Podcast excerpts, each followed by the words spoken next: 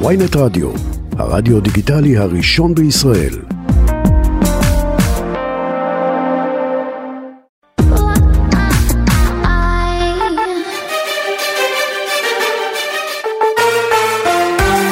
עכשיו בוויינט רדיו, דודו ארז ויואב רבינוביץ'.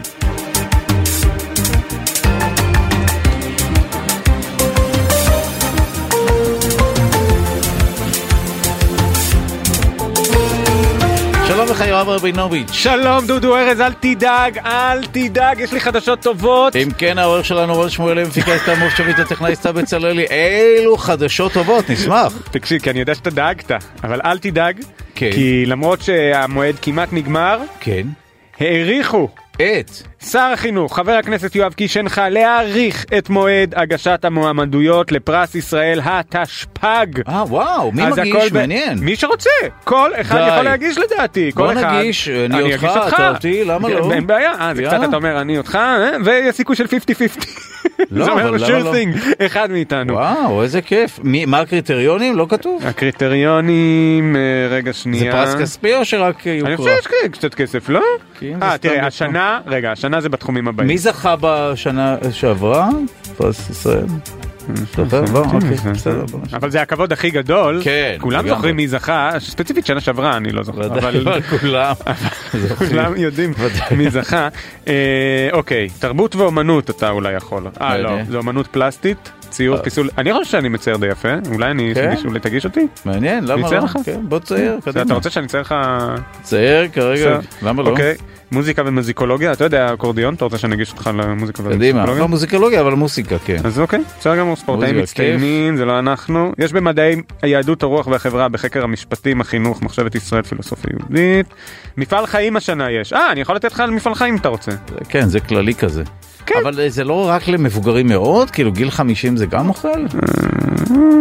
זה נושא הבא, 50. לא, לא, נושא הבא, לא נעים לי. לא. כן, אני חושב ש-50 אתה כבר. יכול אה, מפעל חיים. מוטי קירשנבאום היה מאוד צעיר כשהוא קיבל. אבל הוא עשה את ניקוי ראש. אבל זה גם לא היה על מפעל חיים, בסדר. אלא מה זה היה? בטח זה היה על אה, תרבות, אה. אה, סאטירה. מעניין מאוד. אה, טוב, יש לנו שעה עמוסה לפנינו, מיד אה, נגלה מיהו אותו נוסע מתמיד שקיבל מחברת אל על מכתב 18 שנה לאחר שהוא הלך לעולמו וגם אה, פרס ספיר לשנת 22 אה, אה, הוכרז. אנחנו גם נדבר עם זוכת פרס ספיר על הספר שלה וגם נדבר מעט על הערב שהיה אתמול, אבל נתחיל מה... אה, ליכוד שפרסם שלשום אה, בערב, לא, אתמול, אה, ש, שלשום בערב, טוב, אנחנו נבדוק את רשימת הדרישות שלו בהסכמים הקואליציוניים. טוב, לא, הסיפור הוא כזה, הולך אני להיות שר חושב חינוך שמה חדש. שכתוב פה הוא לא נכון. אנחנו מדברים על שר חינוך חדש שעומד לשתקן את הרפורמה, נכון? של כן, הח- הוא הולך להחזיר אחורה את הרפורמה של אה, יפעת שאשא ביטון. היא עשתה איזושהי רפורמה בבגרויות שאנחנו מיד נבין לדעתי יש מהי. פה ידיעה מלפני הבחירות. מה שקראתי זה משהו שפרס- שלשום בערב ג' לדעתי. זה יכול להיות, יכול להיות. משנת 80. אבל לדעתי. אנחנו מיד נבין, אוקיי, אנחנו אה, מדברים על אה, השינוי ש- העתידי כמובן של אה, שר החינוך החדש יואב קיש ומה הוא מתכוון לעשות עם. עם הרפורמה או עם השינויים של קודמתו בתפקיד. אנחנו שמחים לומר שלום לכתב ולפרשן החברתי של כלכליסט שחר אילן, שלום. ערב טוב. אז בוא למד אותנו מה קרה בזמן, בתקופת אה, שאשא ביטון, שרת החינוך לשעבר, שעומד להשתנות עכשיו. זהו, למרבה הצער לא, לא כל כך קרה, כי רפורמה בבחינות בגרות זה משהו שלוקח כמה שנים לעשות. עכשיו, אה, השרה שאשא ביטון אה, הפליאה לקדם רפורמות בזמן הקצר שעמד לרשותה, וחלק מהן, כמו רפורמת עצמאות המנהלים, היא הוציאה לדרך ואי אפשר להחזיר אותה. לעומת זאת, רפורמת הבגרות דורשת, דרשה כמה שנים, לא היה לה את זה. ולכן השרה הכריזה על רפורמה שמצמצמת את מספר הבחינות החיצוניות, וב- ובעצם אומרת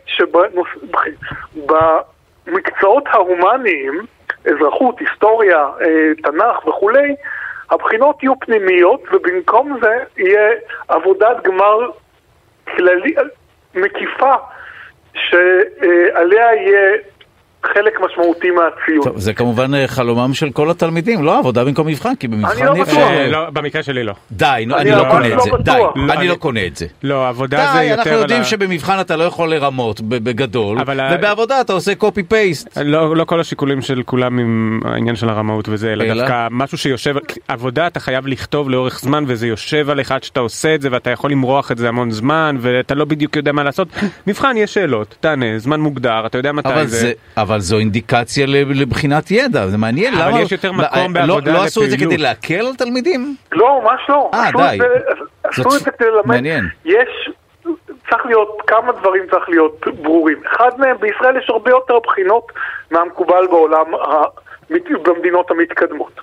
הדבר השני הוא, ישראל שוב ושוב נכשלת בבחינות של ה-OECD, כמו בחינות פיזה וגם בחינות כישורי מבוגרים, כי התלמידים שלנו לומדים לשנן לבגרות, ולא לומדים ללמוד, לא לומדים להבין, כלומר, לא לומדים ליישם. ולכן אנחנו לא מצליחים בבחינות פיזה, פשוט כי בחינות פיזה זה בחינות שדורשות לחשוב וליישם, ואנחנו מלמדים, אה, אנחנו מלמדים ללמוד בעל פה. עכשיו. כן. ולכן ברור לגמרי שכל זמן שכל מערכת החינוך שלנו תכוון לבחינות הבגרות, התלמידים שלנו ימשיכו ללמוד לשנן ולא ללמוד ללמוד. ואת זה התחילה שאשא ביטון לשנות. באה באה ממשלת הליכוד, או ממשלת הימין, ובגלל אה, נימוקים של לאומיות וידע לאומי, מקדמת את מערכת החינוך לחזרה לפני למאה ה-20. שחר, בדיוק על זה אני רגע רוצה לדבר איתך, כי יש ויכוח על הרפורמה, שוב, לך דווקא יש אה, כמובן דעה בעניין והיא היא מעניינת למהותו של עניין, כלומר, האם הרפורמה ראויה לה, להחליף את שיטת הלימוד משינון לעבודה עצמית. אה, מה שאותי מפחיד זה שכשאתה מוריד שינון, אז. בסוף הם גם לא משננים וגם לא לומדים לא, לאבד. אני זה- חושב שהביקורת נגד. הרפורמה הייתה לא רק מהותית אגב האם שינון או עבודה עצמית יותר חכמה אלא זה שבעצם זה שמוציאים אותה מהבגרויות גם אה, יהיה לה פחות קשב מצד המערכת. אבל השאלה שלי אליך היא יותר מזה. כבר היה את הוויכוח על הרפורמה כבר התקבלה החלטה האם עכשיו הליכוד כשהוא משנה את זה הוא עושה את זה כן מאיזה שהם טעמים מהותיים כי יש גם ביקורת מהותית נגד אה, הרפורמות לא, האלה. הוא לא עושה את זה מטעמים חינוכיים, הוא עושה את זה מטעמים אידיאולוגיים. כלומר, מה האידיאולוגיה פה? שבחינת בגרות בישראל, ב... כי אנחנו באמת, יש לנו מערכת חינוך כל כך מיושנת, היא סמל סטטוס. אוקיי. ולא יכול להיות שמקצועות יהודיים כמו תנ"ך או היסטוריה של עם ישראל, לא יהיה להם את סמל הסטטוס הזה. כלומר, זה בעצם, על זה בעצם מבוטלת הרפורמה. עכשיו, אני רוצה לומר לך. במערכת החינוך, בין מומחים לחינוך, אין מחלוקת שצריך להוריד את מספר הבחינות. המחלוקת היא זאת, האם מספיק את- לעשות את מה ששאשא ביטון עשתה, אגב, ויש דיון האם היה צריך דווקא את הבחינות האלה, יכול להיות שהיה צריך אה, בח- שלוש בחינות כלשהן, אבל הדיון הוא האם היה צריך מס- מספיק להוריד לשלוש בחינות, או שהיה צריך לבטל אותן בכלל. וואו. כלומר, ה- זה ברור. לא, ה- אבל ראיתי כל מיני מפמ"רים או אחראי אה, מקצועות מסוימים שכן יצאו נגד הרפורמה הזאת, גם בכל מיני גורמים מקצועיים, כלומר, רגע, יש על זה... רגע, כי זה בדיוק באיזה מקצועות אנחנו מדובר? עוסקים ב- כי- אנחנו עוסקים באנשים, אנחנו עוס- בישראל, אגב, גם לומדים הרבה יותר מדי שעות אה, בהשוואה לעולם. ולמה כל זה? כי לכל מקצוע יש לובי. עכשיו, הדי... שאשא ביטון, ואני מוכרח לומר, שאשא ביטון ייחודה בין היתר היה העובדה שהיא הייתה שרת החינוך הראשונה מזה עשר שנים שמבינה בחינוך. עכשיו, ה... אה, עכשיו, יתרונה על הקודם לה, שי פיר, הרב שי פירון, היה ששאשא ביטון גם פוליטיקאית מאוד אה, מעשית ומפוקחת, ובניגוד לשי פירון שניסה לקדם רפורמות בהרבה פחות הצלחה. עכשיו, ה... ה... אני לא... כלומר, זה ברור לגמרי שהבגרות לא עובדת, כלומר היא לא... ה... עכשיו, בא... עכשיו זה לא ש... זה לא... תשמע, יכולה, יכול... יכולה ממשלת ישראל לבוא ולהגיד לא חשוב לי, אני רוצה, אה, אני רוצה שישננו תנ"ך ו... היסטוריה ותנ"ך וספרות, והיסטוריה של כן. עם ישראל, וגם לא מעניין אותי אם זה יגרום לא לאהוב את המקצוע, כי ברור שכרגע התוצאות הן אה, פתטיות. אוקיי. הילדים שלנו לא, לא, לא, לא יודעים תנ"ך או היסטוריה של עם ישראל כשהם גומרים אה, תיכון. עכשיו, ה... בא ה-OECD ואומר לנו שוב ושוב, אתם צריכים להפחית את מספר הבחינות. עכשיו, הוא אומר לנו את זה מהסיבה הזאת. אם יש לך בחינות בגרות בסוף הדרך. כל מערכת הבחינות תתאים, תתאים את עצמה לבחינות, כלומר, כל מה שהמורים, המורים ידעו שהם יישפטו לפי הבחינות, הם ילמדו להצליח בבחינות, ולכן. אפשר להתווכח על איזה רפורמה. אפשר לבוא ולהגיד, אגב, לא היה נורא אם היו אומרים, תהיה בחינה אחת. לא, כאילו, אם היו באים, היו באים ואומרים, אוקיי, תהיה פעם, מלבד השלוש בחינות האלה, תהיה גם בחינה אחת הומנית, כי חשוב לנו אוקיי. ללמד ידע של עם ישראל. אבל? אבל להחזיר את, אותנו לעולם של המאה ה-20, שבו נבחנים בשבע שמונה בחינות, ולזה לומדים בתיכון. עכשיו צריך להביא בחשבון, זה לא מה שעולם העבודה עושה. לא, עולם העבודה המודרני, עכשיו צריך לזכור, אין שום מדינה שעולם העבודה המודרני חשוב לה כמו ישראל, כיוון שבישראל יש את אחוז עובדי ההייטק הכי גבוה בעולם. עכשיו, אה, ההייטק רוצה הבנה, ההייטק רוצה יכולת לשתף פעולה, ההייטק רוצה יכולת להציג דברים בעל פה, יכולת ל... אה, יכולת לעשות אינטגרציה, כל הדברים שלא לומדים לבגרות. עכשיו, אני אומר לכם, רגע, אבל יש בגרויות במתמטיקה, זה, אני, אני נאלץ, אה, נאלץ להגן על מערכת החינוך. יש בגרות במתמטיקה, כן, לומדים אה, מקצועות אה, מתמטיים, פיזי, פיזיקה וכולי, זאת אומרת, כן יש משהו שיודע לתווך... אנחנו חורגים מגבולות הנושא, אבל כשישראל נכשלת בבחינות פיזה, היא נכשלת ב...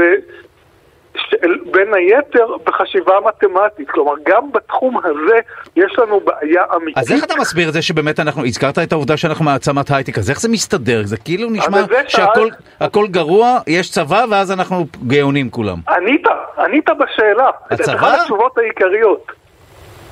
כל מה שמערכת החינוך לא נותנת בתחומים של מיומנויות, וואו. אחריות, יכולת, אה, יכולת, יכולת לשתף פעולה, יכול, אה, סמכות, היכולת ליישם דברים, הילדים שלנו מקבלים בצבא. וואו, זה מה כלומר, שאתה אומר בעיניי זה האמת מטורף. היא, צדק, צדק חלוקתי היה גורם לכך שחלק מתקציב החינוך היה עובר לצבא. וואו. כי אגב, את ההסבר הזה, הפעם הראשונה שמעתי אותו, זה היה מאיש החינוך הבכיר בעולם, מנהל מחלקת החינוך של ה-OECD, אנדריאס שלייכר, שאלתי אותו את אותה שאלה, והוא נתן לי שתי תשובות. אחת הייתה, אתם לוקחים קרדיט על מערכת החינוך הרוסית, שמגדלת חלק גדול מאנשי ההייטק שלכם, וה, והשנייה הייתה, כל המיומנויות החיוניות להייטק, שהם לא מקבלים במערכת וואו.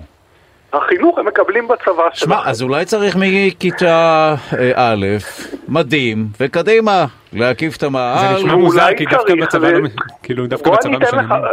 שי, בוא אני, כאילו בוא אני, מה, שי פירון למשל נתן לי כדוגמה את עבודת הגמר של הקולנוע.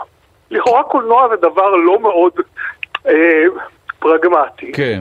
אבל בעבודת הגמר של קולנוע מוכרחים חמישה-שישה בני נוער להכין ביחד סרט. נכון. זה, מח... מכריח, זה מכריח אותם ללמוד את עולם נכון. העבודה כמו ששום דבר לא... לא... האמת שזו באמת שיחה מעניינת, זה הרבה זה- מעבר אבל ל- היא- ל- היא ממש ל- למהותו בגרות של- או עבודה, וואו, זהו, היא מעניין מאוד. ממש למהותו של עניין, אבל עכשיו לי אין שום יכולת לשפוט האם נכון לעשות, אה, האם זה נכון לשנן, אני בתחושתי אגב, אה, זה נכון, אני פשוט חושב שבארץ לא משננים נכון, אבל זה תחושה, זה לא, זה דעה באמת חסרת ערך. אני לא יכול יש להחליט אם דברים הרפורמה- שצריך לשנן כן. לדעתי. אתה יודע, יש דברים שהם רק ידע, ל- ללמוד היסטוריה. אתה נכון. יכול לנסות לעבד את זה, אבל קודם כל תדע. ובארץ לא עושים את זה טוב, אגב בדגש אני זוכר שבספרות תמיד אה, כאילו לא בכלל לא לימדו אותנו איך לקרוא איך זה היו נותנים לנו סעיפים אבל נכון. אבל הדרך היחידה שלי לשפוט האם הצעדים הם נכונים או לא, היא האם הם נעשים אה, בשום שכל, אה, בתום לב וכל זה. לי, הקושי שלי מה שקרה עכשיו עם מה שהליכוד עשה, זה א', שיואב קיש החליט על זה שהוא מבטל את ה- אה, הוא לא החליט, זה הרפורמה. בהסכמים הקואליציוניים. זה אה, נכון, כן? אוקיי. אוקיי. אז ספציפית יואב קיש רק נכנס לתפקיד, אני לא חושב שיש לו ידע יותר מדי או תפיסת עולם מגובשת עדיין. וכבר להחליט על צעד כזה גדול מילא, אבל גם זה שזה מופיע בהסכמים הקואליציוניים ככה, הם כותבים שם, הממשלה תפעל לביטול החלטת הממשלה בדבר הוצאת הלימודים ההומניים, לרבות Mm. תנ"ך והיסטוריה מתוכניות הלימודים התיכוניים. עכשיו זה לא נכון, לא הוציאו תנ"ך, אה, זה ברור ניסיון... שלא, להפך, ש- בעיניי שיפרו. אז, אז בסדר, אני אפילו לא נכנס אבל לשאלה אם שיפרו, לא שיפרו, לא הוציאו, לא ביטלו לימודי תנ"ך. עכשיו, מנסים לספר את זה כדי לשווק את הממשלה הקודמת כאנטי יהודית, אנטי ציונית, כמשחק, 100%, אבל אם רוצים לשדר לנו שהחלטות נעשות באופן רציני, חייבים לשווק אותם באמת. לא לספר לנו סיפורים שביטלו את לימודי התנ"ך כשזה לא קרה, זה הכל, רק אבל כדי זאת שנוכל הבעיה, להיות כי רגועים. אנחנו ב- ב- בדיוק בעידן כזה שכבר אתה, אתה לא יודע כבר מה אומרים. לך, מה נכון ומה לא. ואני לא רוצה שיבטלו. רפורמה שעבדו עליה כל כך קשה, רק מעניין. כדי ל- לתקוע אצבע בעין. מעניין מאוד. זהו.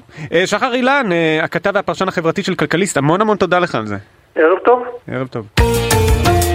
שלום לך יואב רבינוביץ'. שלום, דודו ארז. אתה טס הרבה? אה, כן, האמת שכן. אה נכון, כי כן, אתה על כן, הקו. כן, כן, בשל הקו. חיי הכפולים של חברתך. בהחלט. קיבל מחברת אל על מכתב כנוסע מתמיד כ-18 שנה לאחר שהלך לעולמו. מי הוא אותו נוסע מתמיד? לא יודע, אבל זה נשמע קישוני לחלוטין. הסופר, הסאטיריקן, המחזאי והבמה אפרים קישון. אה, אוקיי. אז אנחנו רוצים לומר שלום לבן של אפרים קישון, דוקטור רפי קישון, מרצה על אביו. אה, קישון, שלום. שלום וברכה. תשמע, כל הזדמנות לדבר על אה, אביך, שבאמת היה גדול, ה... סלח לי על השטחיות, מבחינתי קודם כל תסריטאים ובמאים. אה, כי ככה אנחנו הכרנו אותו כ- כילדים, ואחר כך כל השאר, וכותב כן, סאטיריק. האמת שהוא הוא ראה את עצמו קודם כל כסופר. זהו, כן, בדיוק, נכון. יצירותיו, ההומורסקות שלו הוא באמת רק יצירות ספרותיות. לא תמיד המ- הממסד הרציני וחמור הסבר הסכים עם זה, כי הם האנשים המכובדים אמרו, אה, הוא כותב הומור, זה שטויות, כל אחד יכול לכתוב, למכור 40 מיליון ספרים בעולם. ממש, כן. אנחנו פשוט לא רוצים לעשות את זה, אבל זה קל לנו מאוד לעשות, זה לא באמת ספרות. אז הוא ראה את עצמו קודם כל כסופר, כמובן עיתונאי, אחר כך מחזאי במאי של תיאטרון, והוא מאוד מוכר כמובן כאיש אה, קולנוע שכתב תסריטים כן. וביים את הסרטים זה, תשמע, כי- שוטר אזולאי, תעלת לאור. בדיוק, אלה סרטים שבאמת, אני לא בטוח, וסלח לי שאני נשמע איש בן 50, כי אני בן 50, אבל ראיתי סרטים, ועד היום אני לא חושב שנתקלתי בסרטים כל כך מצחיקים ונוגעים, שמשלבים גם את ה... גם הומור מטורף, גם אמירה, גם סאטירה וגם רגש. זה, זה באמת, זה מעשה כמעט ניסים, מה ש- שאביך עשה. אה, כן, זה באמת היה מופלא, עוד אם לוקחים חשבון שהאיש הגיע כניצול שואה, כעולה חדש, בגיל וואו. 25, בלי לדעת מילה עברית. כן, את סאלח שבתי הוא יצר 14 שנים אחרי שהגיע לארץ בלי לדעת מילה עברית. לא למד מעולם קולנוע או תסריטאות. אין ספק שהיה בו איזה חלק גאוני, ואם משהו מזה, איזה רבע, מה, רבע, 25 אחוז מהגנים האלה יעברו אליי, אני אהיה מרוצה מאוד. אז בוא ספר לנו, אז מה עבר אליך? אתה- בינתיים אבל ירשתי את הצרבת מאבא שלי, לזה לפחות קיבלתי. אוקיי, הצרבת, היא- אבל מה, מה באמת בתחום האומנותי, בנקודת המבט המאוד מיוחדת שלו, מה עבר אליך? לא, אז האמת, אני מ- אחרי מותו התחלתי בהופעה הומור- הופעה הומור שנקראת אפרים קישון, ההומור, הבידור והסרטים, שבה אני מספר את סיפור חייו, אבל בצורה מאוד סטנדאפיסטית, מהירה, עם המון המון קטעים מצחיקים, ומראה גם קטעים מהסרטים המופלאים שלו, ואת כל הסיפורים אבל מאחורה, איך זה צמח. לא רבים יודעים שבכלל סאלח שבתי, שהוא דרך אגב עד היום, אה, כמו שאמרת, אתה התלהבת מהסרטים שלו, לשמחתנו גם אלה שמחלקים את האוסקר התלהבו, כן, הוא היה וואו. פעמיים מועמד לאוסקר. וואו. אה, אלה שמחלקים את גלובוס הזהב התלהבו, הוא קיבל שלוש פעמים את גלובוס הזהב. זה לא נתפס זה- כבר כן, זה אז, לא- באמת נכון, שלא היה נכון. פה כלום, הוא כלום. הראשון, הראשון המועמד לאוסקר, השני. המועמד לאוסקר, הראשון גלובוס הזהב. ואכן, לא יודעים שסלאח שבתי למשל, הסרט הקנוני האיקוני, התחיל כמערכון קטן שהוא כתב ללהקת הנחל.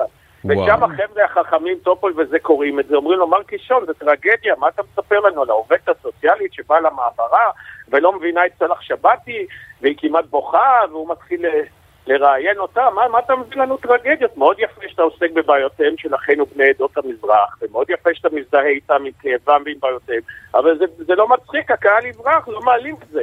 והוא אמר להם, חבר'ה, אתם אידיוטים, זה מצחיק מאוד. הם אומרים לו, מי אתה? מה אתה מביא? מיגה מיגה עם הונגרי זר ומוזר שכמוך? לא מעלים את זה. אז הוא אמר להם, אדוני ילך הביתה, לא אעבוד איתכם. אז אמרו לו, טוב, ניתן לך צ'אנס. פעם אחת טופול עלה לבמה ב- במועדון הקצינים בחיפה, הוא מתחיל להקריא את הדיאלוגים הקשים, העצובים, ומשום הקהל מתפרץ בצחוק וואו. חסר תקדים, רעמי צחוק שלא היו כדוגמותם. הוא אומר, קישון מחכה לנו אחרי הקלעים, אנחנו חברי הנחל קצת נבוכים נעמדים סביבו, ואז הוא אומר לנו רק משפט אחד מאוד מאוד קצר. אמרתי להם שאתם אידיוטים, וואו, תקשיב, זה באמת... ובזה הסתיימו הוויכוחים לעולם ועד. זה, קודם כל, כל מי שקצת מתעסק בתחום ההומור זו מיתולוגיה, זה סיפורים מיתולוגיים, והוא באמת היה כן, מה- אני- אני- הטיטן תראה, הגדול. היפה גם שזה הכל אה, הומורסקות קצרות. כל מי שרוצה ליהנות מכישרון לא צריך עכשיו להתחיל לקרוא רומן של 400 דפים. הוא יכול לתרום את זה במנות של שלושה ארבעה דפים, זה כבר ההומורסקה הכי ארוכה. לקחת את ספר משפחתי, שהוא דרך אגב עד היום הספר העברי הנפוץ ביותר בעולם, אחרי התנ"ך. וואו. הכי הרבה עותקים ממנו נמכרו בכל, ב-37 שפות בעולם. וזה זה, זה, זה הזדמנות דרך אגב להגיד שממש בימים אלה, היום בערב, מ- מפה אני תכף הולך לבית החייל בתל אביב לראות את הפרמיירה של המחזה הכתובה. מחזה שאבי כתב עוד בסוף שנות החמישים, והוא חוזר ועולה בהצלחה אדירה, כי הוא וואו. מדבר על הנושא שמעסיק אה, לא רק את כל הישראלים, אלא את כל האנשים בעולם. דהיינו, התא המשפחתי הבסיסי, אה, הכתובה, וזה באמת מחזה. בטורקיה זה היה הצלחה חסרת תקדים, זה היה באוסטרליה, זה היה בדרום אפריקה, בדרום אמריקה, בכל העולם המחזה. כן, כי כביכול הוא עסק- חיפה מעלה אותו עם, זה- עם ברעבה דרך אגב. שכביכול הוא עסק בדברים שהם ייחודיים לכאן, אבל זה כנראה אה, מדבר לכולם. כולם יודעים מה זה זה להגר. ו- בתקציבים בינלאומיים. תשמע, אני ראיתי את המחזמר סאלח שבתי שהוא ביים בגרמניה, בגרמנית. וואו. ואני זוכר, שאלתי את אבי, אמרתי, אבא, אתה עשית עיבוד?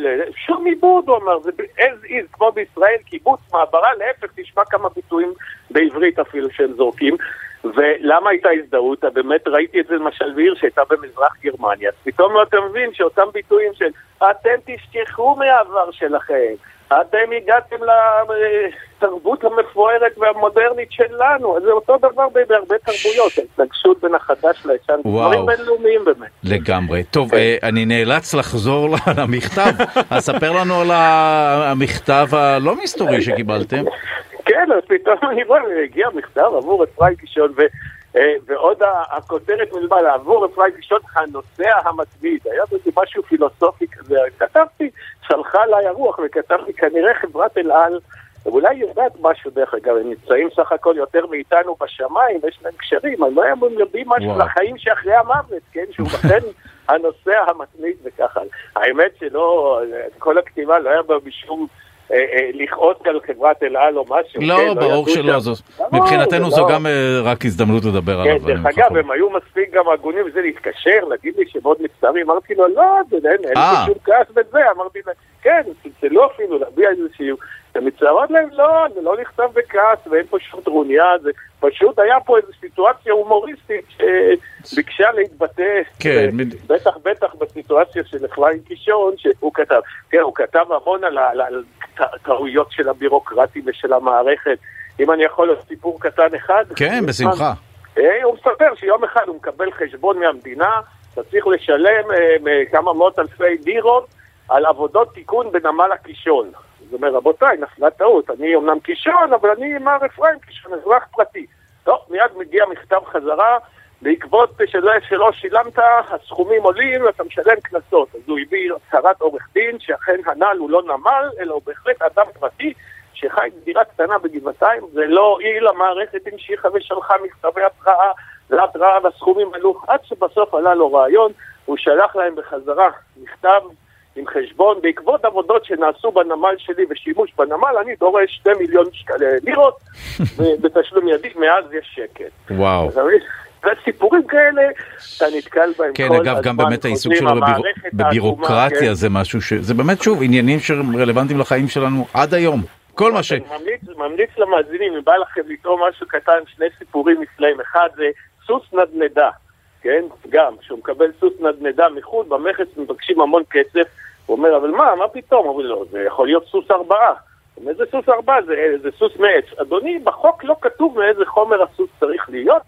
סוס ארבעה משלמים שמונה, המון כסף וכך וכך, אבל הוא מנסה להסביר שלא, אדוני, ואז הוא מנסה כל מיני שיטות, סיפור קלאסי, גם, וואו. גם שיחקו אותו כמה וכמה פעמים כמערכונים.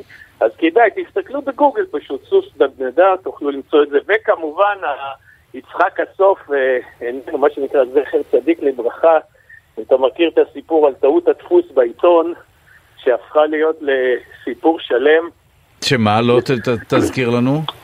עורך הלילה של העיתון רשם לסדר דפוס, אה, הוא רצה לשים את המאמר החשוב על ההסתדרות באמצע העיתון במקום בולט. אז הוא כתב ליצחק, שהוא היה סדר הדפוס הוותיק, הוא לא מצא פשוט את הסוף של המאמר. אז הוא רשם לסדר, ההסתדרות, לשים במסגרת, אה, אבל יצחק, הסוף איננו, כדי שימצא את סוף המאמר ויצמיד אותו, דבר שהוא עשה פעמים רבות. למחרת העורך פותח את העיתון, וחשכו עיניו, באמצע העיתון יש מודעת אבל. יצחק הסוף איננו, אבלים הסתדרות העובדים הכלליים. בארץ ישראל. הוא צועק לו, מה זה צריך להיות? הוא אומר, אתה רשמת לי, ההסתדרות לשים במסגרת אבל, יצחק הסוף איננו. הוא אומר, לא אבל, אבל, אבל, יצחק... אדוני, לא ניקדת בזה. עכשיו, שמע, זו טעות לא נעימה, הוא הולך למעלה לה- להתנצל בפני מנהלי העיתון, פוחד שיפטרו אותו. פתאום הוא רואה שכל הנהלת העיתון חוגגים ושמחים, מה קרה? ברגע זה נכנסו 24 מודעות אבל שמנות ו- ועתירות הכנסה לעיתון, מועצת פועלי חי- חיפה, ולה לכתו של יצחק הסוף, מבוני הארץ, לוחמי לוחמיה ומסוללי חירות. עם אז. גם לזה יש צד חיובי. וזה הולך. ומתפתח לטירוף וואו. כישוני נהדר. טוב, תודה לך על השיחה הזו, דוקטור רפי. קישון, מרצה על הסרטים של אה, אביב אפרים קישון, גם וטרינר, וגם נס- נספר שחברת אלה לא. נמסרה לנו תגובה לפחות על בדיוק, העניין את הזה. ההופעה שלי אפשר לראות גם בתיאטרון הקאמרי ב-26 לינואר, כמו חודש היא תהיה שם, ובכלל, גם להזמין אותה לחוגי בית, תחשבו על זה. תודה, אה, בהצלחה כמובן, תודה לך. אחוז, כיף להתראות. לדבר עם אנשים שמבינים בהומור, תמיד תענוג להתראות. ביי. יו, תודה רבה. שיר.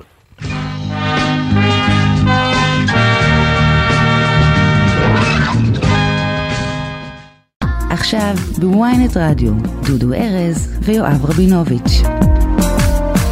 שלום לך יואב רבינוביץ'. שלום דודו ארז, הריני לעדכן כי? שנסראללה, חסן נסראללה, אה, בסדר גמור, אה. הכל טוב, כל מי שדאג לו, קצת צרוד, אבל- אבל איתנו, נואם עכשיו, וואו. אה, נראה, נראה טוב, נראה טוב, לא שמע, לא, אבל לא, מאיפה אתה יודע שהתמונה היא עדכנית? יכול להיות שזה AI. זהו. לא, אבל הוא עכשיו בנאום אה, שידור אה, כן? ישיר, הוא אומר דברים ש... אירועי היום? כן, כן, הוא דיבר על הנאום של אה, קיש, כן, כן. בדיוק, לא התעלם. כמובן זה שעומר אדם ויעל שלביה בוודאי. ירדו לדובאי, ומכאן העליונות של האומה הערבית עלינו הציונים, בסדר גמור. וואו. באמת שיש בזה אוי. ואבוי, אני לא מאמין שאמרתי את זה בצחוק וזה כל כך משכנע. כן, הם ירדו לדובאי. נחשוב על זה. בריחת אה, כישרונות. אוקיי, טוב, אה, אנחנו בפינת ההצגות שלנו, אנחנו שמחים לומר שלום לאיה חיות, עורכת מדור במה בוויינט. היי, מה נשמע? אנחנו היום מדברים על ספרים, נכון. אבל על פרס ספיר שקרה אתמול. אנחנו נדבר על, זה היה אתמול, נכון? נכון. ו- וספרי לנו מעט על הזוכ... את יודעת מה, עוד לפני זה, כשאנחנו מדברים על פרס ספיר, חוץ מלהכריז על הסופר ועל הספר וכולי, זה- זה משהו שכרוך בפרס כספי גם? כן, בטח. אמ, אז באמת אה, גם השנה היו קצת יותר, אה, הפרסים קצת אה, גדלו לעומת השנים הקודמות. זוכר פרס ספיר השנה זכה במענק של 180 אלף שקלים. וואו.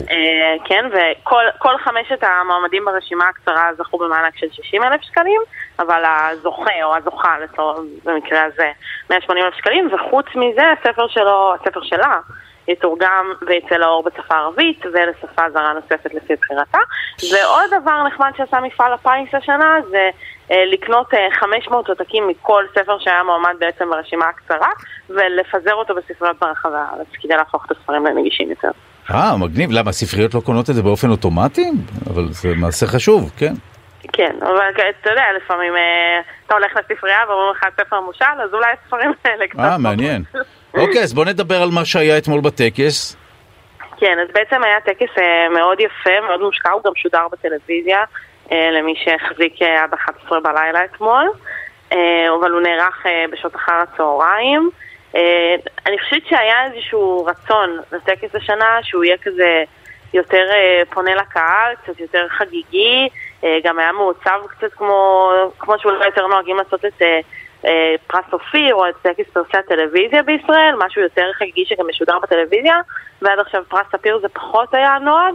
אוקיי. אה, אז השנה אה, ניסו לעשות את זה גם. זאת אומרת, אה, זו ביקורת על זה שהם הפכו את הטקס לסוג של תוכנית ריאליטי, נוצצת, ריקה לא, מתוכן. תני לנו לחלץ. פוש ממך. חלילה חלילה. אם כן, את מחרימה את. הטקס ומשליכה את הספרים יותר. אוקיי. בדיוק איך תפסת אותי בשעת מעשה של השלכת הספרים מהחלון. יש פוש. במקום שבו ישליכו ספרים מהחלון. אני לא תלוי רציתי באיזה ללכת קומה היא. לשם. נכון. אם היא קומת קרקע זה לא מאוד נורא. אבל זה בסדר. לא מקומת קרקע, אבל בסדר. אבל הם ספרים, הם ישרדו נראה לי גם את הנפילה הזאת. תשמע, אני רוצה להגיד לך, אגב, ספרים שאני, אה, אה, כמי שעובר בין דירות, אני מעביר ספרים, שחלקם ודאי מאז שהילדים נולדו, אתה- אני לא פותח, נכון, אבל כן. יש לזה משהו שאתה מעביר את זה. אתה מעביר אותו בכל זאת. כן, כמו גם ארגזי דיסקים וכל מיני קלטות. פשוט ש- ספרים זה פריט יפה, אין מה כן, לעשות. כן, לא, יש בזה משהו גם מעבר כמובן, אפילו גם לאסתטיקה. יש משהו בספר שאתה... אני מתקשה להיפטר מספרים. מה נוכל לספר על הזכייה של אה, ספרה של אורית אילן? כן, אה, אז אה, כן. אחות לפליאדות, אני מקווה שאני אומרת את זה בדיוק נכון. אה, מי שכבר בטח טועה מה זה פליאדות, אז זה בעצם... אה, כן. כן, אה, אוקיי, את- את יודעת לספר לנו? כן, אז זה, אני יודעת לספר כי היא הסבירה את זה. אה, עוד מעט אז נשמע ממנה גם. אוקיי, בסדר. כן, אז זה בעצם צביר כוכבים, זה מה- איזשהו מונח שלקוח אה, מהמיתולוגיה היוונית.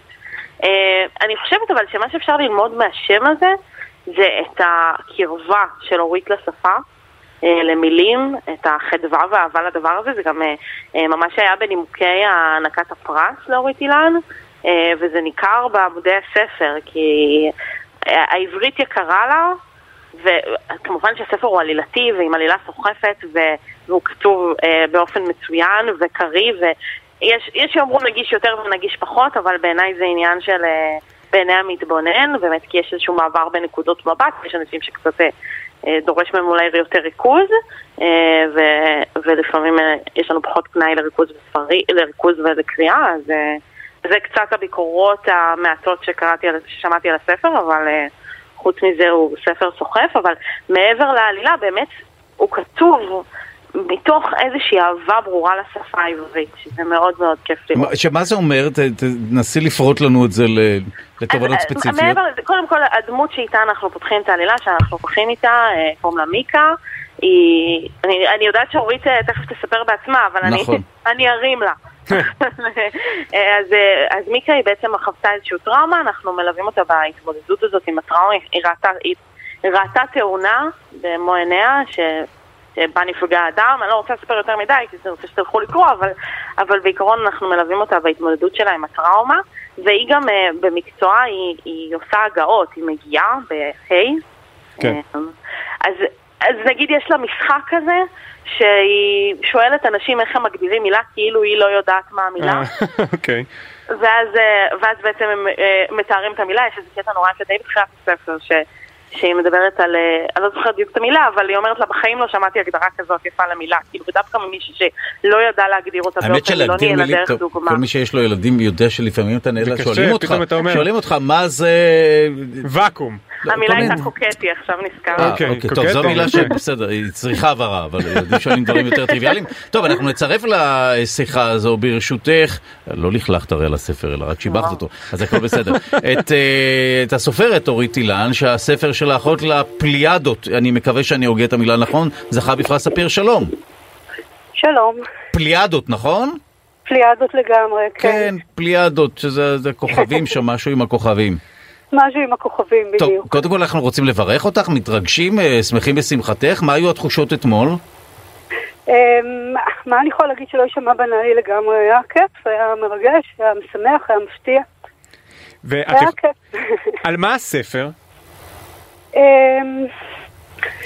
אכן, שאלה מסובכת. אני חושבת. שהספר הוא על, על החיים באופן כללי, ושזה נשמע נורא האמת, אבל מה שקורה כשאנחנו חיים בתוך איזושהי תחושה שיש מסלול מסוים שהחיים שלנו אמורים אה, להתנהל בו, ומה קורה כשזה סוטה משם.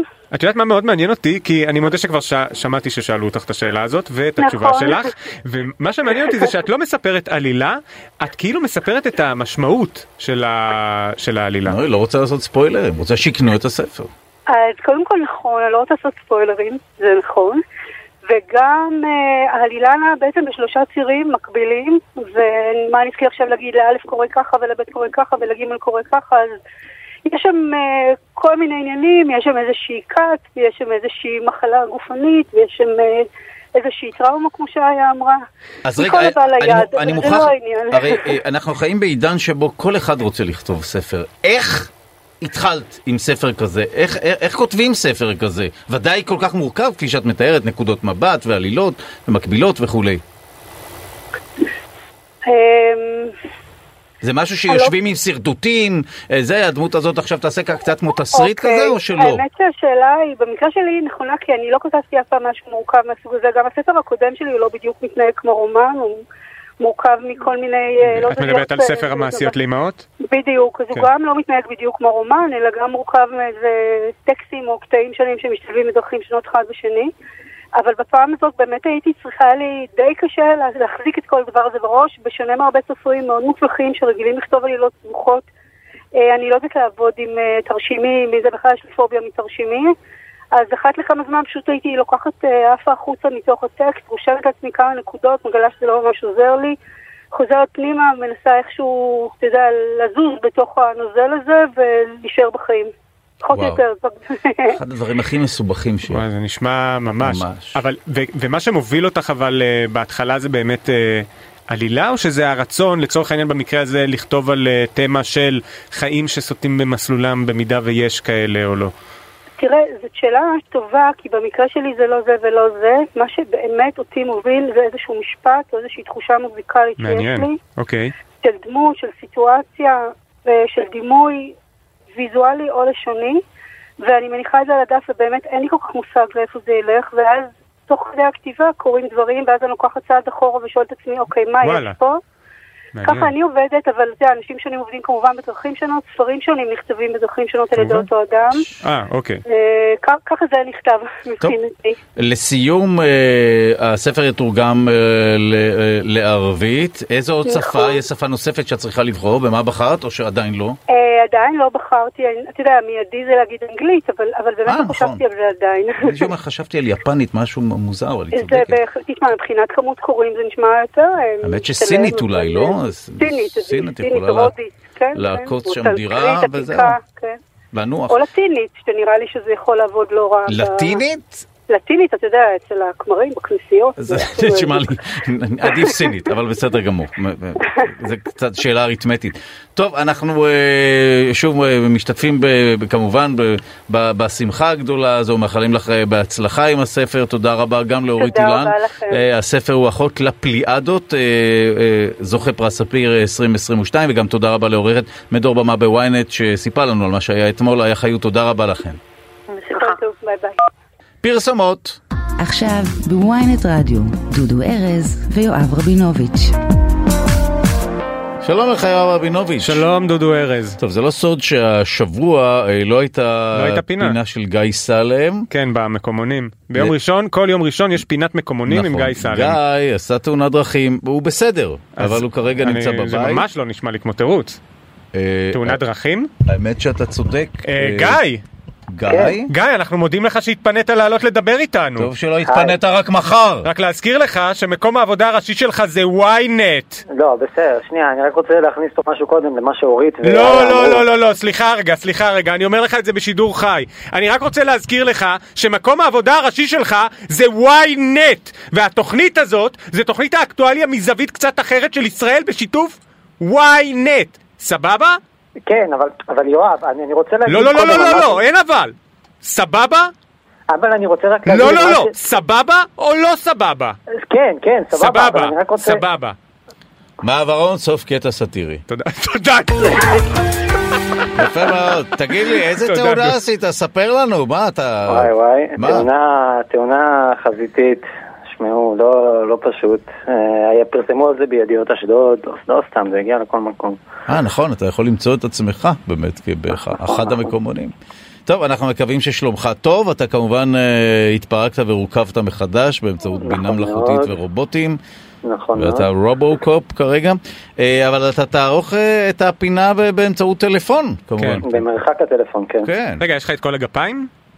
יש לי את כל הגפיים, אני חושב שהחמישית נשארה ברכב, אני אחר כך ארד לבדוק.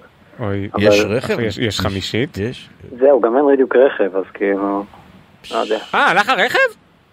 כן. או שגרר- או שהמשטרה החרימה אותו כי הולכים לעצור אותך. לא, לא, לא, לא. משטרה הגיעה, אמרה, נהגת טוב, רואים, רואים, נהגת טוב, ואז אוקיי, הלכה. בסדר גמור. וואו, טוב, לא נשאל אה, כמובן פרטים על התאונה, אבל ב- בהזדמנות תספר לנו אוף מייק. אה, כן. בוא נדבר על אה, מקומונים, מה קרה ב- בישראל אה, המוניציפלית? בואו נתחיל עם ידיעות חיפה. ידיעות חיפה, הנה מעברון. כן, מעברון.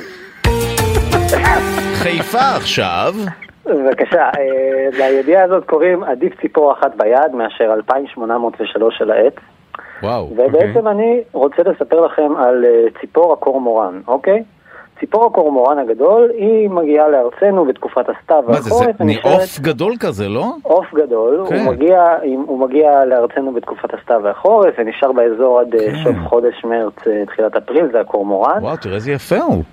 כן. וואו, וואו. ואחר כך בקיץ מחליפים אותו ציפורי החומורן, וזה חוזר חלילה. אה, אם. כן, אסף השטר תאכל אבק. הקורמורן הוא ניזון מדגים, הוא דומה בהתנהגות שלו לבני אדם, וצד את טוב, אה, המזון סליחה, מה שלו. זה, פינת המקומונים או מכון דוידסון? אה, אז מה, סבלנות, בוא נלמד סבלנות, קצת. סבלנות. אוקיי, והוא צד את המזון שלו בצלילה במים רדודים, זה מתאים למדינה שלנו. נהדר. אמ, גם השנה, בתחילת ינואר, בוצעה ספירה ארצית של הקורמורן הגדול באתרים שונים בארץ, בתוכם גם אתר הלינה שלהם על אה, שדרת עצי האקליפטוס בגדת הקישון, באזור גשר ההסתדרות בחיפה. עד פה אוקיי. בסדר, אוקיי, עד לפה מקובל. בסדר גמור, הספירה נעש- נעשית עם אה, אור ראשון, בדיוק בבוקר, כשהעופות אה, ממריאים מעצי האקליפטוס לחפש מזון, סופרים את כל, את כל הציפורים. אה, שלושה אנשים הביאו שיבצעו את הספירה הזאת, הביאו את אה, ממונת האקולוגיה ברשות של נחל הקישון, מעיין ציון, את ממונה מעיין הפיקוח, ציון כמובן. כן, אלון בן מאיר, מי לא מכיר, ודאי. כן, כן. וראש תחום סביבה איתן צנטנר, אוקיי? כן, כן, איתי צדנר, ראש תחום סביבה אבל אתם יכולים בחבל לדמיין הקישון. הקישון, אתם יכולים לדמיין לעצמכם שזה די קשה לספור ציפורים. עוד שלושה אנשים בו זמנית, כל אבל אחד אין סופר משהו בקול רם. שעושה את זה דיגיטלית או משהו? לא, לא, זה לא, לא נעשה לא? דיגיטלית. לך. לצלם אותם ואיכשהו לסרוק את מדובר זה? בכמה אלפים. אוקיי. אז כן, לא, שם זהו, שלושה כן. בבוקר, סופרים אותם, כל אחד סופר גם אין את בקול ה- רם, מבלבל אין את המכונות. האלה שבאנטנות שסופרים כמה טלפונים סלולריים היה באותו תא? יש, אז אפשר לעשות אותו דבר עם ציפורים. אתה יכול לגרום להם אה, לפרוק לא. טלפון סלולרי? זהו, צריך לשים שמע, להם- ילדים ילדים בני שנתיים עם טלפון, מה, אתה לא יכול איזה קורמורן? לשים על ציפור. כן. כן, אה, סליחה. קורמורן. חומורן. כן, אה, תמשיך, קיצור, בבקשה. אה, קשה להם לספור, כן? אתה יכול כן. להניח את עצמכם. פתאום כמו ציפור, ספרת אותה, כן. היא יצאה, חזרה, יצאו עוד שלושה ציפורים, כבר שכחת את הספירה, צריך להתחיל אחת מחדש. כן. בכל אופן, הם ספרו בערך, הגיעו ל-2,803 פרטים של קורמורנים, אוקיי? כן. וזה היה מספר מפתיע, כן. כי רק לפני כמה ימים עשו ספירה אחרת לקראת השקיעה, מתנדבים עשו אותה, והמספר היה גבוה בספירה הזאתי ב-400 יותר מהספירה ההיא. אולי הם היו- מישהו עשה על האש? אולי מתנדבים. דיסלקטים. זה קורמורן אחד על כל שבע קורמורנים. וואו. אז מעיין ציון מסבירה שהגידול מעיין ציון הפתאומי הוא כמובן, הגיוני. ראש אה, כן, מחלקת, אה, כן. אה, ממונת האקולוגיה, ונחל לא מכיר. אז היא מסבירה שהגידול הפתאומי הוא מאוד הגיוני, ויכול להיות שחלק מהציפורים באו לישון אצל חבר שלהם, או שהייתה חתונה בין קורמורן לקור יוחאי שהסתיימה מאוחר או משהו. ומה אומר אה, על זה בן מאיר, אה, אחראי הפיקוח? בן מאיר לא השגתי את התשובה. שלו. כן, בסדר. אה, בינתיים יוצאת עצומה לשנות את השם של הנחל בגלל האוכלוסייה הגדולה מאוד של הקורמורנים שנעים שם בלילה וכבר השיגה כמה אלפי חתימות. ההצעה היא לשנות את זה מנחל קישון לנחל לישון, אבל כרגע העירייה לא לוקחת אותה. היה שווה לצלוח את הסיפור הזה כדי להרוויח את זה. גיא, אני עדיין חושב שאתה צריך ללכת לבדוק אחרי התאונה, אם משהו נפגע. לא, לאור- הסיפור או לא, באופן לא? בלי קשר, אה, חשבתי לראות שאתה מזהה שהכל זה בסדר. בא ב- לא, לא, לא. בתפיסת המציאות. חס וחלילה, לא, אבל לך, תעשה CT, אוקיי. MRI. לא, כן, לא. אני רק מציע, כן, זה היה נשמע לי שיש שם... רנטגן, אל אה. עשית? כן, והכל כן, בסדר? כן.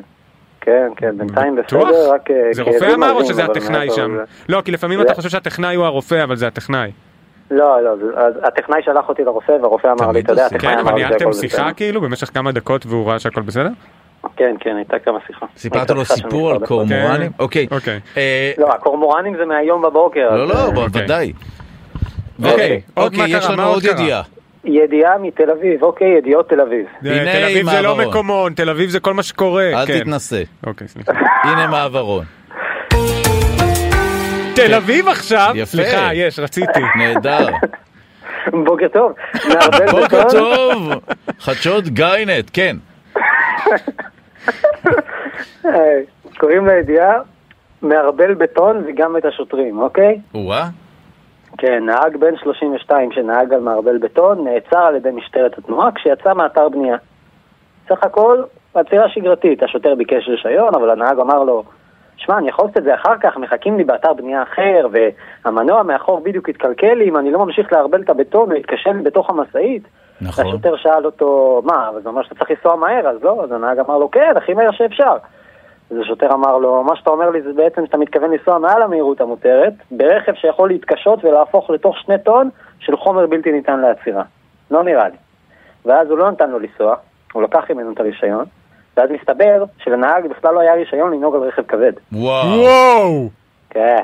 ואז השוטר המופתע הכניס את הפריטים של הנהג למערכת שלו, ואז הוא גילה שהנהג גם הפר את מעצר הבית שהוא אמור להיות בו. מה? הופה, ובמעצר כן. בית זה בגלל שהוא... ואחרי זה הוא הוציא אותו מהמשאית, הוא נכנס, הוא הכניס אותו לניידת, השוטר נכנס לקבינה ומצא שם כלי לעישון סמים. זאת כלי? אומרת, אחרי זה לקחו אותו לבדיקת שתן, ומצאו שהוא באמת סמים? נהג תחת ההשפעה. איזה, השפעה של מה? של איזה סמים? קנאביס? לא אמרו איזה. אוקיי. לא, כי יש מדרג, אני מצטער, חבר'ה, יש. מדרג. לא, אבל אם הוא הצליח לנהוג, נראה שזה כן. סם קל, לא? זהו, אבל בסדר, אתה אומר לא, מערבל אבל בטון. יש פה אדם אוקיי. שמעצר. כן. וואו. כן, אז בית המשפט השלום האריך את המעצר שלו ביומיים, כרגע לא ידוע אה, מה יהיה איתו, ומה עם המשאית, ומה קרה. רגע. הייתה לו אפשרות להתחמק מעבודה, להיות במעצר בית, ולמרות זאת הוא אה, רגע, יצא. לעבוד. אני עדיין אבל, מח... גיא, סליחה, אני כאילו, אני קודם כל אני אומר לך רפואה שלמה, תרגיש טוב. יש אה, פאנץ'? בסיפור? כן, כלומר, סיפרנו על מישהו שעצר עם מערבל בטון, ודאי, זה הפאנץ'. כי מה? כאילו- זה סיפור שהולך ומידרדר, לא כל סיפור לא, עם לא, לא, זה לא מבנה כל סיפורי. סיפור חייב... לא, אבל מה שהולך בסדר, עצרו מישהו שנסע על שהולך בטון. בסדר, ללא רישיון, עם מעצר בית, כלי לעישון סמים, אני פשוט מרגיש שזה חייזר, חדשה רגילה. לכל דבר. זה אולי אצלך. לא, אבל בתל אני אביב מזהה פה נעצר את אדם. הראשי של ynet כל הלילה. לא, אה, בסדר גמור, הוא לא היה צריך לנסוע על הוא המערבל סתם. מנסה. לערער אותך כדי שתרגיש שמשהו קרה בתאונה. לא, כן, אוקיי. זהו, איבדת את תיבת ההומור שלך. זהו, אוקיי. ויש לנו אה, עוד ידיעה, רגע לפני שנסיים את התוכנית. כן, כן, נעשה את זה קצר. אה, אמרתם סיפור שמידרדר, אז אתם זוכרים את הפח שהידרדר בירושלים ופצע אישה נכון, קשה? כן. כן, טוב, זה סיפור לא נעים, כן. אז אולי אפילו שמעתם על זה, יצאו פשקווילים בשכונת מאה שערים, כן. על איך לדרדר עכשיו פח כמו שצריך. אה, כדי לא לפגוע באנשים? כן, רגע, זה אמיתי? אמיתי. נו, יש לך להקריא לנו? והתקנות אומרות ככה, כן, חובה שיהיה במקום לפחות מבוגר אחד. יפה. בהוראת העסקנים, לאור ריבוי העלילות כאילו דוחפים את הפחים לעבר עוברי אורח וכל מיני עלילות מצד משטרת הרשע אה, שניסה לעצור אנשים מאשמת דחיפת פחים, חובה לדאוג שכל המהלך יהיו מצולם מתחילתו ועד סופו כדי להעביר את הצילום לעסקנים. תקנה שלישית, ניתן להציג אצל העסקנים חלקי ברזל מיוחדים כדי להאט את דרדור הפח ועבור מה, זה עצירתו. ממש אומנות. כן, יש להיזהר מזיופים ולקנות חלקי האטה רק מעסקן מורשה. חובה לא על נכון. מוצאי הופכי הפחים לדאוג שלא יימצאו נשים כלל וכלל בקרבת מקום, עקב לא. חוסר תשומת לב של אנשים להיזהר מהפח. אתה מס- אתה עכשיו המצאת. זה מילה במילה. וואו. ותקנה אחרונה, המדליק את הפח באש כדי לקיים את הסגולה, שרפתי 40 פחים ונושעתי, ידליק בזהירות ורק לאחר שהפך את הפח כדי שלא יתגלגל. פש. טוב, אז גם הדבר הבסיסי של לגלגל פח, הוא משהו מצריך שולח לך מיומנות. שם של אה, רופא בוואטסאפ. תודה. תודה רבה לגיא. סלם, אה, כמובן החלמה מהירה, תשוב לאולפן שלנו, עורך משנה טוב. פודקאסטים, אה, מי. שאמון על פינת המקומונים שלנו, ועד כאן התוכנית להיום, העורך שלנו רון שמואלי, המפיקה סתיו מובשוביץ, הטכנאי סתיו בצלאלי, תודה לך, יואב רבינוביץ', תודה דודו ארז. להתראות.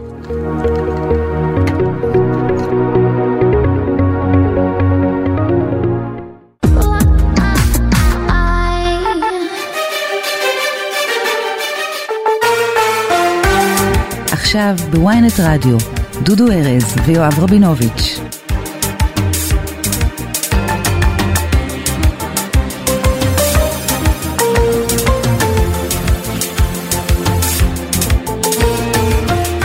יואב רבינוביץ'. שלום דודו ארז. אם כן, תוכנית עמוסה, מוקדם מדי אולי כבר לתאר את ה lineup. כן, אל תלחיץ את המאזינים שלנו. נכון, אבל אל אנחנו תלחיץ אותם. נעסוק בהרבה מאוד עניינים מהותיים, כמובן עליית אה, השר לביטחון לאומי בן גביר הבוקר להר הבית, וגם נעסוק ביועצת המשפטית לממשלה, אה, שהודיעה רשמית לבג"ץ אה, שהיא לא תוכל להגן על עמדת ראש הממשלה נתניהו בנוגע למינוי של שר הפנים והבריאות אריה דרעי. מי ונ- שאל אותה? אני יכול להבין. אוקיי. בסדר נתתי את שתי גמור, הדעות. לא? בסדר גמור, יפה, וגם אה, הדבורים ממשיכות להיעלם, הפעם גם בתנאי מעבדה מתברר שהן חיות פחות זמן. בואנה, זה משוגע מה שקרה. יש כמה דברים שאני לא מבין מה קורה בעולם. ממש. שנעלמים. דבורים וזרע. וגם על זה דיברנו פה, אני חושב. אולי יש זה- קשר כמובן בין השניים? לא. אולי, אולי, אולי. אולי, אולי. וגם נחש מי קיבל מכתב מחברת אל על כנוסע מתמיד 18 שנה לאחר מותו. לא יודע, אבל זה נשמע קישוני לחלוטין. לגמרי, תודה על הרמז, אה, בבקשה. אה, ומה עוד? אה, טוב, עוד הרבה מאוד עניינים, העורך שלנו הוא רון שמואלי, המפיקה סתיו מובשוביץ, הטכנאי סתיו בצלאלי. רגע לפני שנקפוץ למים העמוקים של ה... של מה שהיה היום, שים לב, אה, בקרוב לא נצטרך, אה, לפחות חלק מ- מהאנשים ש... באחת מקופות החולים, לא צריך כרטיס מגנטי, אלא זה אלא? יהיה כרטיס כזה ב- בתוך הטלפון או בשעון. אוקיי, האמת, כאילו... מה אתה אומר? למה זה לא היה ככה עד עכשיו? האמת שאני מנסה לחשוב למה לא עובדים רק עם תעודת? זהות לא אבל. עכשיו כשאני מנסה לחשוב על זה למה צריך כרטיס פיזי הרי אתה יכול להקליד איזה פרט זה כזה מספר זה ממש... ושם התיכון של האבא של האימא כזה. כן, גם אני לא יכול יותר... די, אה, מה- מי יתחזה לך ומה הוא ישיג מהרופא? עוד מה ש... אתה יודע שנגיד במחשב שלי, שמעניין. אני פה יושב עם המחשב שלי, אני לא אגיד לכם של איזה חברה, אבל... לא אה, חשוב שמות. היא של המתנסים, אז אה, אם אתה שם פה את האצבע, כאילו אני, אתה לא צריך לשים, אל תדאג, כן. אז היא... אני לא צריך סיסמה, יש פה כל. מיני אה. טביעת אצבע. אה על מקש? ואני לא צריך לזכור את הסיסמאות איזה שלי. יופי זה, כל מה שצריך. זה לקרות לי את האצבע כדי להיכנס למחשב שלי. ו-. עושים את זה ו- בסרטים. כן, נכון. נכון עם? הקרנית תמיד. כן, את הקרנית. אתה יודע מאיזה סרט זה הקרנית? לא. אבל- מאיש איש ההרס. איש אה, עם... Demolition אה, Man? כן, יכול להיות. וסלי סנייפס? יכול להיות. נכון? אבל זה נשמע ש... וסלי. סנייפס? זה ההוא שעשה את בלייד? כן, וסלי סנייפס וסילבסטר. סטלון. אהבתי את זרם התודעה שהיה פה, הגענו מאוד רחוק. מאוד רחוק, אה, אבל זה באמת מעניין, למה לא מפסיקים באמת להשתמש בכרטיסים כאלה? בכרטיסים מטורף. כרטיסים וסיסמאות. די עם סיסמאות, כל הזמן לשלוח לי להירשם כדי להזמין כרטיס לא, להופעה. בסדר, אז מה... די, די. מעניין, אוקיי, מקסימום, שוב, כמה פרטים מזהים גם וזהו. יש עלינו כל כך הרבה מידע שאנחנו נותנים לכל כך הרבה אנשים, איך אנחנו עדיין צריכים להשתמש בפלסטיקים האלה? לפחות עכשיו אפשר להוציא כסף מכספומט בלי כרטיס. אתה. מצליח לעשות את זה? כן, אני הצלחתי תמיד פעם אחת. מבקש ממני, זה משהו לי. מבקש, לא, כי צריך להיכנס לאפליקציה, הוא מנפק לך קוד זמני, די, נו אתה עם הקוד. הזמני, אני לא יכול יותר עם הקוד הזמני. נו, מה לעשות? קוד זמני זה משהו שמטריף אותי, תפסיקו עם קוד, למה לא כל דבר עם ה-DNA הזה שכבר נתנו איפשהו, לא... בסדר, נו, אני יודע, דווקא בכל מה שקשור לשירותים בנקאיים עדיף ש- שנהיה, נרגיש יותר בטוחים, אבל אה, אז בקרוב אה, קופת חולים לפחות אחת, שלא נזכיר את שמה, היא מקדימה את השאר בכל מה שקשור לטכנולוגיה. אה, אתה הולך הרבה לקופות חולים? אה, אתה יודע, נגיד עכשיו כל הזמן אני מקבל הודעות שאני צריך גם להתחסן וגם אה, לתת בדיקת דם, עדיין לא עשיתי את זה, אני צריך. אה, למה לא התחסנת? מה, לשפעת? עדיין לא התחסנתי, ואתה גם אומר לי כל הזמן. ופשוט אני דוחה. לא שפעת. תקשיב, זה חובה, בת- כולם צריכים. כן כן כן פעם זה היה איזה שפעת איזה פעם אחת שזה ממש הציל אותי כשהייתה השפעת זה- הגדולה לפני כן, הקורונה. כן, כן, תעזוב, אתה לא רוצה. וגם אם אתה נדבק, אתה רוצה להיות מחוסן. כן לא אני אתה לא רוצה שהגוף יופתע תשמע, גם. אה, סיפרתי לך הלכתי לרכבת ופשוט רואים ב... אה נכון, אתה בתחבורה ציבורית. מה, אתה לא נוסע עם מסכה? אה, לא. אתה לא נורמלי. אני אשים, אני אשים. אתה לא. נורמלי. אתה צודק, אתה צודק. לא נורמלי לנשום אוויר סטטיסטי אפילו, כן. של עשרה אנשים. נכון, כן. אני נכנס למקומות לבתי ספר. לא, זה לא. נעים עכשיו הרכבות, אתה ממש לא, רואה לא, את לא. כולם כאילו משתעלים, לא. כולם יושבים ומשתעלים. לא, זה לא נורמלי. עכשיו, במיוחד עכשיו, באמת, כולם חולים. כן, כן, לא, זה ממש אה, לא נעים. אז אה, נקפוץ למים העמוקים של התוכנית, אם כן, אה, עניין ראשון. השר לביטחון לאומי איתמר בן גביר עלה הבוקר להר אתה ראית את הבית. התמונות? זה היה במפתיע, הוא הסתפר, לדעתי הוא עשה איזה שינוי. אתה שמת לב? דוקר את הנקודה. תקשיב, כן. אה, ראית את התמונה שלו? כן, כן. פתאום נראה יותר כזה fit, משהו... אה, אוקיי. לא, גם בשיער, הוא כבר לא נראה אה, מדובלל כזה ו... אתה יודע, אני פשוט, אני אגיד לך. אני פשוט מסתכל. על התמונה, הרי המשמעות של העלייה שלו כמובן, ריבונות. אה, תסתכל רגע כן, על אוקיי. התמונה. נכון שהוא טיפה יותר מסודר? לא זה, אבל תראה פה. כן, כן, הוא מסודר. מה, תראה, הוא גם. התחיל, אה, אתה רואה, הוא הולך זקוף כמו שר. הוא רואים. שהשררה, שהוא פתאום מבין את הכובד האחריות. וואו. אני כמובן מגזים, אבל אה, אתה רואה את התמונה הזאת, מה היא נו. משדרת לך? האם היא משדרת לך ריבונות, עוצמה, זכותנו? משדרת לי, הסתפרתי אתמול. אני אוהב את זה, ההקפדה. אני פשוט כל כך, אה, אני מרגיש שיש פה שיח בין אנשים שיש אה, אוכלוסיות מסוימות בארץ שלא לגמרי אה, חלק ממנו. כל השיח על... אה, על הר הבית? כן, אני- אבל לא אומר לא- שזה לא חשוב, אבל לא מבין. יש, אה, יש גם אנשים דתיים שלפיהם אסור ליהודים לעלות, נכון? יש איזה כן, עניין. הרבנות הראשית, האורתודוקסים, המיינסטרים כן. נגד, יש רבנים שכן מתירים את זה. הוא טוען, קודם כל הוא לא התפלל שם, הוא עלה להר אה, הבית. נכון, אבל לא, לא, לא, אבל זה גם, להתפלל? זה גם בניגוד למה. שהרבנות אומרת. להתפלל זה בניגוד לסטטוס קוו, אבל הוא, אם אני לא טועה, או שהרב דב ליאור, דוב ליאור מתיר, שזה הרב מעניין. של בן גביר, אבל אולי אה, חיים גולדיץ', ואולי לא, אבל בכל מקרה הוא יוכל לעדכן אותנו, כתב המשטרה של ynet וידיעות אחרונות בירושלים, יספר לנו קצת על מה קרה הבוקר. שלום לך חיים, מה נשמע? ערב טוב, מה קורה? בסדר גמור, אז אה, ספר לנו טיפה על הביקור. אז אה, כמו שכולנו יודעים, וקמנו והלכנו לישון אתמול בלילה עם ההצהרות של בן גביר ועם ה- אולי הכותרות שבישרו על תבוסה ומפלה והתקפלות. רגע, אה, מה, ת- מה בדיוק, הוא פרסם אתמול הודעה שהוא לא יעלה או מה? אתמול אה, בן גביר אה, הודיע שהוא יעלה רק בשבועיים הקרובים, התפרסמו בתקשורת ובשאר כלי, בכל כלי התקשורת בערך, אה, הבהרה שהוא נפגש, עם, שהוא שוחח עם נתניהו ונתניהו הוריד אותו מזה, אבל עדיין הוא יעלה בשבועות הקרובים. מסתבר שהיה פה איזשהו תרגיל הסחה, אה, כמנהגו של בן גביר, הוא בעצם אה, אה, מתכנן את הדבר הזה, וכמו הביקורים הקודמים שלו, שחייב להדגיש את זה, שקרו במהלך השנה האחרונה, אה, וגם בקודמתה. הביקורים האלה מתואמים עם המשטרה בדרג הכי גבוה, קורים ללא נוכחות תקשורת בבוקר מוקדם, וב-7 ו-20 אנחנו בעצם מקבלים עדכון מהמשטרה וגם מהרשתות של הערבים שקלטו את העלייה הזאת בהר הבית עצמה. אה, מעדכנים אותנו שאיתמר סיים את השר לביטחון לאומי, סיים את הביקור שלו בהר הבית והכל עבר כשורה. רגע, בזמן שהוא היה שם אה, הייתה הרבה אוכלוסייה ערבית באזור, או שזה זמן לא, שאין לא, בו... מדברים על יום רגיל, סתמי, אצל היהודים הוא יום אה, מקודש יותר, היום צום עשרה על בטבת, נכון. למי שלא יודע, על אה, זכר חורבן הבית, יותר, אה, אה, אה, אם כבר תנועה מהכיוון היהודי, אבל גם זה לא יום אה, שנהוג לעלות בו בכמויות אה, מטורפות, ועוד יום שגרה בהר הבית, לא יום עם תכונה מיוחדת. לא, אבל ב- ב- בזמן שהוא שם יש אה, מתפללים או מבקרים אה, ערבים שראו את זה, עשו בעיות, משהו? אה, בזמן שהוא שם, אה, כן, צילמו את זה כל מיני אה, אה, אה, אנשים, אנשי וואקף, אה, פעילים, סתם אה, מתפללים אה, שהגיעו להתפלל בהר הבית. אנחנו מדברים על כמות מאוד קטנה, שטח הר הבית אוקיי. הוא שטח עצום.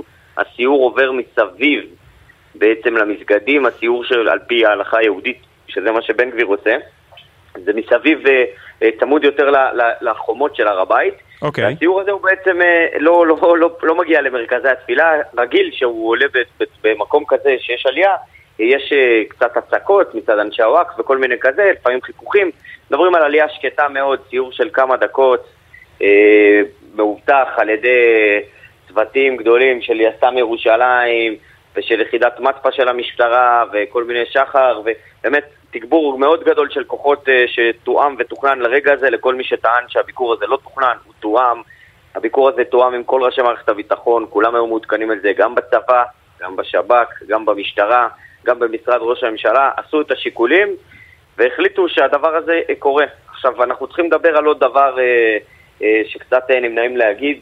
אה, הסיפור הזה מאז הריקוד גלים, שבעצם החמאס אה, על כל אה, פיפס בירושלים מאיים עלינו בירי של טילים, הוא כבר סיפור שמערכת הביטחון והמערכת המדינית, כמובן הממשלה הנכנסת, מתמודדים, וזו שאלה שעומדת לפתחה. איך מתמודדים עם הדבר הזה? האם אנחנו מייצרים פה משוואה כזו שהם מכתיבים את הקצב?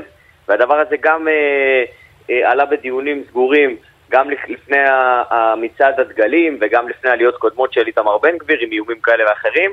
וההחלטה ש... ש... אה, ובעיקר הכיוון שכנראה אנחנו רואים מגיע מהממשלה הנוכחית, זה לא לאפשר את הדבר הזה, ובעצם אנחנו לתת את הטון ולא, ולא להיגרר אה, או להיבהל מכל מיני אה, אולטימטומים, כמו שהצטייר אתמול בערב, ובאמת זה מה שקרה הבוקר הזה, בן גביר יוצא, הוא מראה לכולם שהוא לא שכח מאיפה הוא הגיע, הוא רוצה לעלות להר הבית. כמובן שניסינו לברר האם כשר המיועד וכבן אדם שהמקום הקדוש הזה יקר מאוד לליבו, האם הוא, האם הוא רוצה לשנות את כללי הביקור? האם כן. משהו מה זה הולך לשנות את להשתנות? כללי הביקור? כלומר, לאפשר להתפלל, לא אתה אומר, האם מתכוון? אולי להרחיב את השעות, היום, אה, היום אוקיי. מדובר בשעות כניסה להר הבית, הן שעות מאוד מאוד מאוד קצובות. בכל כן. יום יש בערך שלוש וחצי שעות, ארבע שעות, אלה שעות הביקור. השעות האלה, שעות הביקור האלה נועדים, נועדות גם לתיירים שאינם יהודים וגם ליהודים. כן. זה אומר שמי שאינו מוסלמי לא יכול לעלות מכל שער שערי הר הבית, אלא רק מהשער שנמצא בכניסה לכותל המערבי. אוקיי. זה אה, אומר אתה- ש- כן. ב- בימים שיש עלייה גדולה ומגיעים המוני מתפללים, ובמקרה גם קבוצות תיירים, נוצרים תורים והשעות נגמרות, ואתה יכול למצוא את עצמך שהמתנת שלוש שעות ולא תעלה, כי זה מה יש, או שמקצרים את הסיורים, והסיורים האלה, הביקורים אה, אורכים בערך 10-20 דקות. עכשיו אנחנו מדברים על, מקום שהוא קדוש, באמת, בשיא קדושה ל- לעם היהודי. כן. צריך לא להתבלבל ולא לשכוח את זה.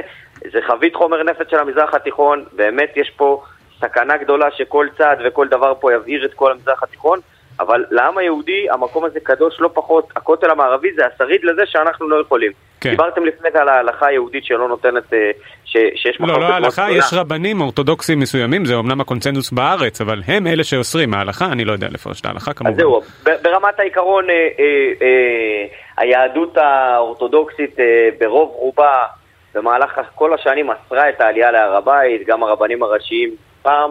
הרב ליאור לפני שנים רבות התיר, הרב דב כן, ליאור. שזה אה, הרב של אה, בן גביר, נכון? כן, נכון, אבל, אבל הוא לא היחידי היום. היום זה לא מדובר על, אה, על רק על מי שנשמע לרב דב ליאור, כן. מדברים על ציבור גדול, גם חרדי, למרות שהמנהיגים החרדים אוסרים מכל וכול. וגם הרבנות הראשית אוסרת כל עלייה, יש אפילו פעילים שנמצאים שם מדי יום ומשכנעים אנשים לא לעלות, כי מבחינתם עושים את הדבר כן. הגרוע מכל. עכשיו, האמת, השנה הייתה השנה שבה עלו הכי הרבה יהודים אי פעם להר הבית. מה, יש אה, אה, לא, התעוררות 50,000 סביב הדבר הזה? כן, 50 אלף, אז. לא בדיוק, כי גם שנה לפני זה הייתה השנה שעלו הכי הרבה אוקיי. אי פעם, וכל שנה יש עלייה אדירה בכמות היהודים שעולים להר הבית. עכשיו, דיברנו על זה, פה... זה מתחבר לכללי הביקור שרצינו לבדוק האם באמת הולך להשתנות. מעניין. עכשיו, אה, דיברנו על זה, אני לא זוכר אם אתמול או שלשום, שפעם, זה נכון שפעם, כלומר לאורך אלפיים שנה התפללנו לכיוון הר הבית, אבל אה, עד לפני כמה שנים הנושא של עלייה להר הבית היה נתפס כאיזה אירוע של אה, הזויים. יהודה קליג היה הוביל את זה, והיה נתפס כאיזה הזוי בליכוד, וכשהוא נכנס לכנסת זה היה אירוע. היום זה הפך לאיזשהו, כן, קונצנזוס, משהו שפתאום אה, מוב... הפך להרבה יותר מיינסטרימי ב... בימין ובכלל. זה, זה מתחבר להמשך מה שדיברנו על, על, על ההלכה ועל האיסור לעלות והמותר לעלות ב- התמורות שחלות גם במגזר הדתי-לאומי וגם במגזר החרדי מבחינת ההישמעות לרבנים ומה מותר ומה אסור כמובן רואים אותם אה, מתרגמות לעלייה להר הבית ומה שרציתי להגיד בנוגע לשינוי כללי הביקור אשתו של איתמר בן גביר נמצאת וחברת בארגון שנקרא מנהלת הר הבית אוקיי. הארגון הזה, יש, יש כל מיני ארגונים בהר הבית, ש, ש, אה, מהצד היהודי כמובן, שעוסקים אה, לה- אה, בכל מיני אה, הנגשה ו, ופעילות ושינוי הסטטוס קוו וכל מיני כאלה וכאלה. מנהלת הר הבית זה ארגון בעצם שהוא אה, תפקידו להתאים את הדברים, הוא עובד יד ביד עם משטרת ישראל, עם אה, הכותל המערבי, והיא נמצאת שם על מנת אה, אה, אה, לקדם ולשנות כל מיני דברים, וכמובן שעכשיו יש לה דלת פתוחה אה, לבעלה, כבוד השר, שאחראי על המקום, אז, אז אנחנו צופים לשינויים. היום באמת היינו שם וניסינו לשאול את הפעילים, האם יש להם איזושהי תוכנית סדורה, האם מישהו חושב אולי רק להגדיל את השעות, להגביל את הכמות, לשנות, אולי כן יהיה מותר להתפלל, לא כל מיני דברים כאלה. טוב, להתפלל זה שינוי של, הצ... אה, של הסטטוס קוו, נכון? לכאורה כן, ולכאורה אה, אה, מה שמשודר ש... שבמשך שנים זה שאסורה התפילה, וכל פעם שמגיעים עם הסוגיה הזאת לבג"ץ יש, ישנה בעיה. כי האם אפשר לאסור חופש פולחן על אדם במדינה דמוקרטית? שאלה קשה. ובג"ץ כל פעם נדרש לשאלה הזאת וצריך למצוא את הפתרון שמדובר פה בסוגיה ביטחונית ויש פה העברה של המזרח התיכון רגע, אבל זה, ושם. ב- ב- אוקיי, אבל זה, זה בסוף ההכרעה של הממשלה הנבחרת על ידי הכנסת, לא? חד משמעית, כן. הממשלה כל פעם מכריעה והחקיקה ומבחינת העניין של המשטרה שם זה, זה, זה בעיה לא קלה גם לאכיפה, לאכוף דבר כזה, גם כי אין לך גב משפטי. לא, גם כי זה חלק גם... מה, מהסכם מול, עם, uh, על הוואקף עם ירדן. נכון, אבל ההסכם הזה לא חודש, וכמו שאנחנו רואים בסטטוס קוואים אחרים במדינה... לא שאני מצדיק את הסטטוס קוו, כן? אני רק מנסה לא, להבין מה... כן. במהלך השנים, כמו שהסטטוס קוו אה, במעמד האברכים והחרדים המתגייסים כן. לצה"ל ולא מתגייסים לצה"ל לא השתנה, גם הדבר הזה לא השתנה, אבל בפועל, בשטח, חד משמעית הנתונים השתנו, כמו שאתה רואה, כמעט 50 אלף איש עולים להר הבית. כמובן שאנשים אה, מתפללים פה ושם וממלמלים פסוקים ואכיפה, יש אנשים שמשתטחים ומכניסים בסוכות ארבעת המינים. וכל כל חג מנסים להביא עוד איזה הקשר ועוד איזה זה, המשטרה לא עומדת כל כך. שאלה לסיום, ראש הממשלה ידע על העלייה שלו הבוקר? ראש הממשלה ידע, ראש השב"כ ידע, ראש השב"כ אפילו סידר לך לו סיור. אנחנו מדברים פה על אירוע מתואם, מתוכנן על ידי כל הצמרת הביטחונית. אז הפתרון זה פשוט להגיע מוקדם, כנראה שזה הטריק. אגב, הפתרון הזה הוא לא מקורי, כל הביקורים הקודמים של בן גביר כחבר כנסת התקיימו בדיוק באותה תצורה. רגע, אתה יודע להגיד לנו, למרות שהבטחנו להגיד לך שלום, רק אה, אתה יודע להגיד אם יש הבדל בין הביקור הזה לביקור שהיה בזמנו של אה, השר לביטחון פנים קראו לזה, אז ארדן? מבחינה פיזית? האם זה היה, כלומר, יש איזשהו הבדל בביקור הזה, שהביקור הזה הפך לאיזה אירוע לעומת הביקור של שר ביטחון פנים שכבר היה בעבר? היה, היו, היו את השרים, אה, אה, היה את השר גלעד ארדן, שזה הדגל של השר לביטחון פנים האחרון שעלה, אבל כן.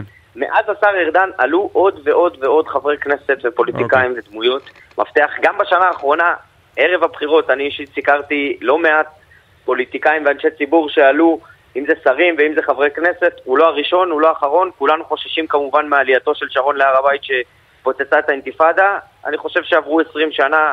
יכול להיות שהרעש שאנחנו עושים פה בתקשורת הישראלית סביב הביקור הוא הרבה הרבה יותר גדול מהעוצמה ש... שמתייחסים אליה ב- ב- במגזר הערבי העולמי. אז אנחנו מיד, כן, מיד נדבר על זה. אנחנו מודים לך, כתב המשטרה של ynet וידיעות אחרונות בירושלים, חיים גולדיץ', תודה רבה. תודה לכם, ערב טוב. ומצטרף אלינו עוד באותו עניין, כתבנו לענייני העולם הערבי, אה, דניאל סלאמה, שלום. שלום שלום, ערב טוב. אז בוא ספר לנו איך העלייה להר הבית הבוקר אה, ניבטת בדיווחים, למשל אה, ברית האמירויות או איחוד האמירויות, שגינו לדעתי את העלייה כמובן. סוגיית הר הבית תמיד הייתה סוגיה נפיצה וכנראה גם שתמיד תישאר סוגיה מאוד מאוד נפיצה בדיוק כמו שהתייחסתם עם חיים גולדשט לפניי בגלל התפקיד הייחודי של ירדן אה, על ההקדשים על הוואקף בירושלים זה תמיד אה, נוגע בנקודות מאוד מאוד רגישות. אז רגע, אז אולי, היום... אולי תסבירו פה איזה משהו עם הוואקף אה, ומה הקשר בין הוואקף לירדן ואלינו? זאת אומרת איך זה בדיוק מתנהל השליטה בהר? זה איזשהו הסכם כדי באמת לשמור על איזשהו, מה שאנחנו מכנים סטטוס קוו, כמצב הקיים, שבו ירדן כביכול נתנו את הערבות שלהם, שהם אה, אה, ידאגו לכך שמצד אחד הפלסטינים ובכלל מוסלמים יוכלו לקיים את חופש הפולחן הדתי שלהם בעלייה למסגד אל-אקצא, הר הבית, ומצד שני גם הם, הם, הם אמורים לדאוג שגם ישראל לא תפר, לא, לא תעשה משהו שיוציא את המצב, את, את, ה, את האיזון של הסטטוס קוו, ומצד שני גם שישראל לא תופלה אה, לרעה, אבל זה באמת הסכם שהוא ככה תמיד קצת אה, מעלים, קצת שונים במחלוקת, אה, כן חודש, לא חודש, באיזה צורה, איך, אה, ואכן הירדנים היו הראשונים לגנות היום, שר החוץ הירדני הוציא הודעה אה, די חריפה, שאמר שהם מאוד מגנים את ה... את, אה, את העלייה של השר הישראלי הבכיר אה, בן גביר להר הבית. הם קראו והזהירו שהצעדים האלה עשויים להוביל להשלכות שתהיה להן השפעה גם על המצב הביטחוני באזור ועל היציבות.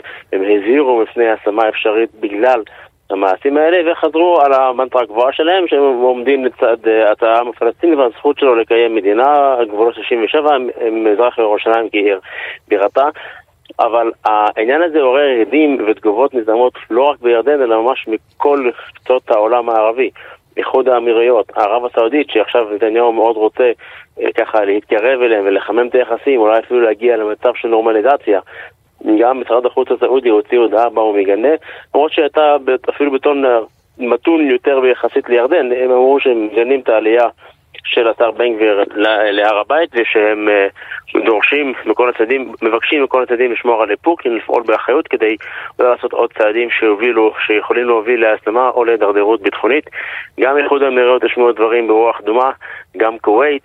אה, מה הסיפור עם, אה, עם רק דחיית הביקור של ראש הממשלה באמירויות, נכון? כן, היה דיבור שהביקור יקיים כנראה שבוע הבא, אולי כמה ימים אחרי. לאור כל כאשר ברקע כל הסערה התקשורתית שנותרה סביב הביקור של בן גביר בהר הבית, הגיעה ההודעה שהביקור של נתניהו באיחוד המאירות נדחה. בלשכת ראש הממשלה טוענים שאין קשר לאירועים okay. של אוקיי. היום, ושזה לחלוטין על רקע לוגיסטי ושל תכננים. אה, מהצד האמרתי לא, לא נמצא תגובה, אתה יודע, הם המארחים, הם לא צריכים להסדיר משהו.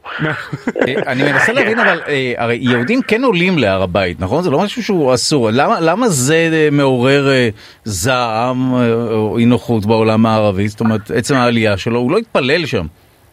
תראה, זה משהו סמלי? הירדנית גם נכתב, בהודעה הירדנית ציינו שם שזה השטח שאמור להיות שמור לפולחן מוסלמי בלבד. אה, כלומר, במילים אחרות הם רומזים שאין, לא אמור להיות שם כניסה בעצם אה, ליהודים, אני לא בקיא כל כך בהלכה, לא ניכנס לשווה אם מותר או לא מותר, אבל כן. כן. לא, השאלה היא מה אה, השינוי במצב הקיים, לא, לא סתם סטטוס קוו כסטטוס קוו הרשמי, אלא גם ככה יהודים עולים להר הבית כל הזמן, השנה יותר מתמיד ושנה שעברה יותר מתמיד, וגם אנחנו כבר יודעים ששרים עלו לשם. אנחנו גם יודעים שבן גביר עלה לשם. אז למה העובדה שבן גביר כשר עולה להר הבית כמו הרבה יהודים שרים אחרים, פתאום הפך למשהו שמתפרש אצל הערבים וגם בעולם המערבי חלקו אה, כאיזשהו איום על הסטטוס קוו? גם בפעמים קודמות כששרים וגם שרי פנים קודמים עלו להר הבית, זה תמיד לווה בהודעות גינוי כאלה ואחרות של מדינות ערביות. ירדן כמעט תמיד מוציאה הודעת גינוי, בכל פעם שמישהו עושה את זה משהו שיכול להפר את האיזון בירושלים, כך שזה לא באמת הפתיע. מה שהפתיע היום זה, ה...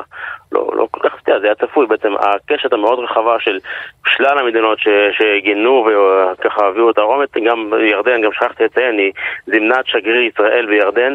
לשיחת נזיפה במשרד החוץ וביקשה להעביר אה, מסר דחוף אה, באמצעותו לממשלה בישראל שמה שנעשה בירושלים אינו מקובל עליה. הוא מצדו העביר מסר שישראל מחויבת לשמור על הסטטוס קוו ושלא תיתן לפגוע בחופש הפולחן ובכל זאת. אז מה בעצם השתנה הפעם? אני מניח שעצם הכניסה של, של בן גביר כפרסונה, עם כל כן. ה... אתה יודע, הבילד אפ שעשו לו לפני הבחירות, הדרך, האופן שבו הוא נתפס בתקשורת בעולם בכלל ובעולם הערבי בפרט, אה, ההקשר שנתנו לביקור כאולי כמי שמחפש, אתה יודע, לזעזע את היציבות באזור, אה, ליצור איזושהי פרובוקציה, וככה גם תתייחסו לזה, חלק מה...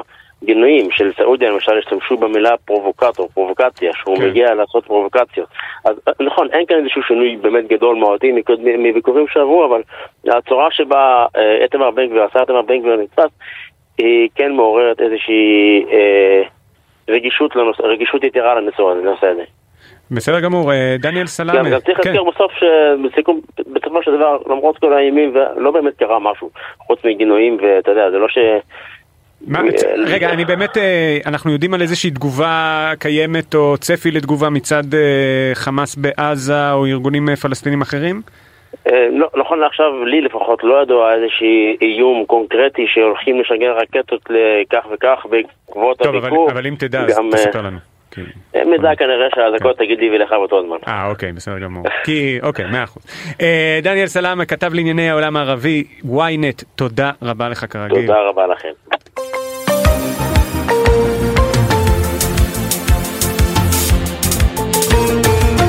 שלום לך יואב רבינוביץ'. שלום דודו ארז. עדיין בעניינים רציניים, שים לב, היועצת המשפטית לממשלה גלי בהרב מיארה הודיעה רשמית לבג"ץ כי לא תוכל להגן על עמדת ראש הממשלה נתניהו בנוגע למינוי של uh, השר, שר הפנים והבריאות אריה דרעי. ולמשנה לראש הממשלה, אנחנו שמחים לומר שלום לפרשן המשפטי של אולפן ynet, דוקטור מתן גוטמן, שלום.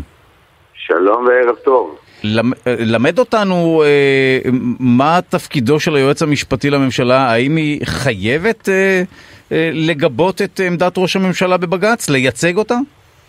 לא, היא בכלל לא חייבת, להפך, אנחנו יודעים שהמסורת המשפטי שאני קובעת, שמי שמייצג את המדינה, את המוסד שקוראים לו הייעוץ המשפטי לממשלה, זו היועצת המשפטית, כלומר, עמדת המדינה הרשמית, עמדה הרשמית של הממשלה בבג"ץ, שהמינוי פסול, אבל היועצת המשפטית לממשלה התירה, כפי שנקבע כבר גם, יש על זה החלטות, כמובן החלטות ממשלה, שבמקרים כאלה מותר להתיר ייצוג נפרד, והיא התירה גם לשר אריה דרעי כמובן, וגם לראש הממשלה נתניהו ייצוג נפרד, והם הציגו את עמדתם על ידי עורך דין פרטי. זאת אומרת שמישהו אחר פשוט ייצג את העמדה שלהם בבג"ץ.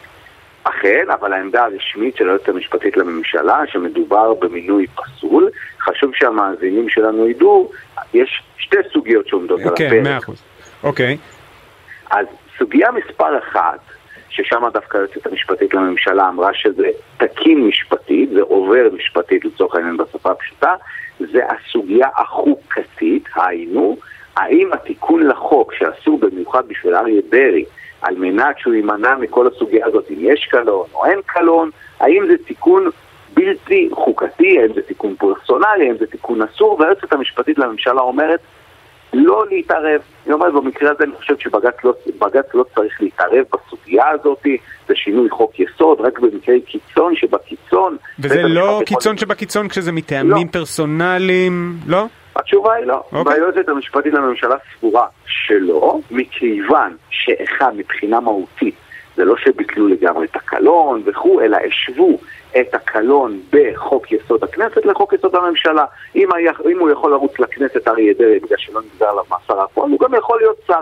אז מהותית, אין פה איזה שינוי קיצוני. נכון שיש פה את בעיית הפרסונליות ואת הבעיה שזה חל כרגע מעכשיו, ולא נגיד רק מהכנסת הבאה, כי אסור לעשות את זה של אריה דרעי, אבל זה לא נעים, בוא נגיד, כשר אבל מסריח, אפשר לומר, okay. בשפה הפשוטה. כן.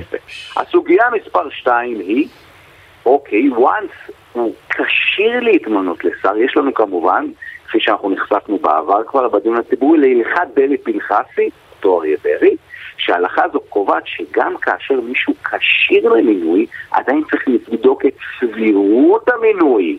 היינו, נגיד למשל, שאני היום, ראש הממשלה נתניהו רוצה למנות חייל בן 20 להיות שר הביטחון.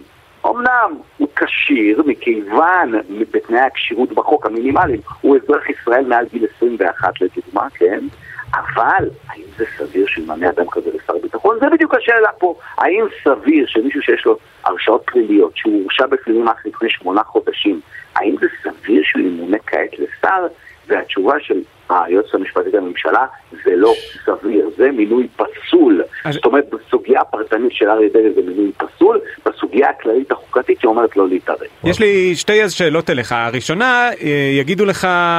או זה הטענה של הרבה מבקרים מהימין, מדובר ביועצת המשפטית. מי שואל אותה? היא יועצת, תפקידה לייעץ. אם הממשלה רוצה למנות את אריה דרעי, או כן, למנות את אריה דרעי, אם העם הצביע גם, אתה יודע. זהו, זה הביקורת השנייה. העם, מה זה מה זה סביר? העם רוצה את אריה דרעי, ניצח. אנחנו יודעים, שנינו למדנו משפטים, אנחנו כן. יודעים שסבירות... אלה מושגים, זהו רקמה כן. פתוחה, זה מושג פלואידי. היום מה שלמדנו פעם, שלא סביר לזרוק מקרר בלי לעקור את הדלת כדי שילד לא... וואו, זה הכל, כן, לא, כן. זה, זה פסק דין בש, כן. אגב, שנת 74. לא, אני זורק אותך למושגים מתחום הסבירות. הרי אה, מי יודע מה סביר, ובמקרה הזה זו, זו באמת התנגשות בין כביכול, שוב, כביכול, רצון העם לאיזשהם נורמות של, אה, של אנשים פלואידיות, ספציפיים. כן. כן, מעניין.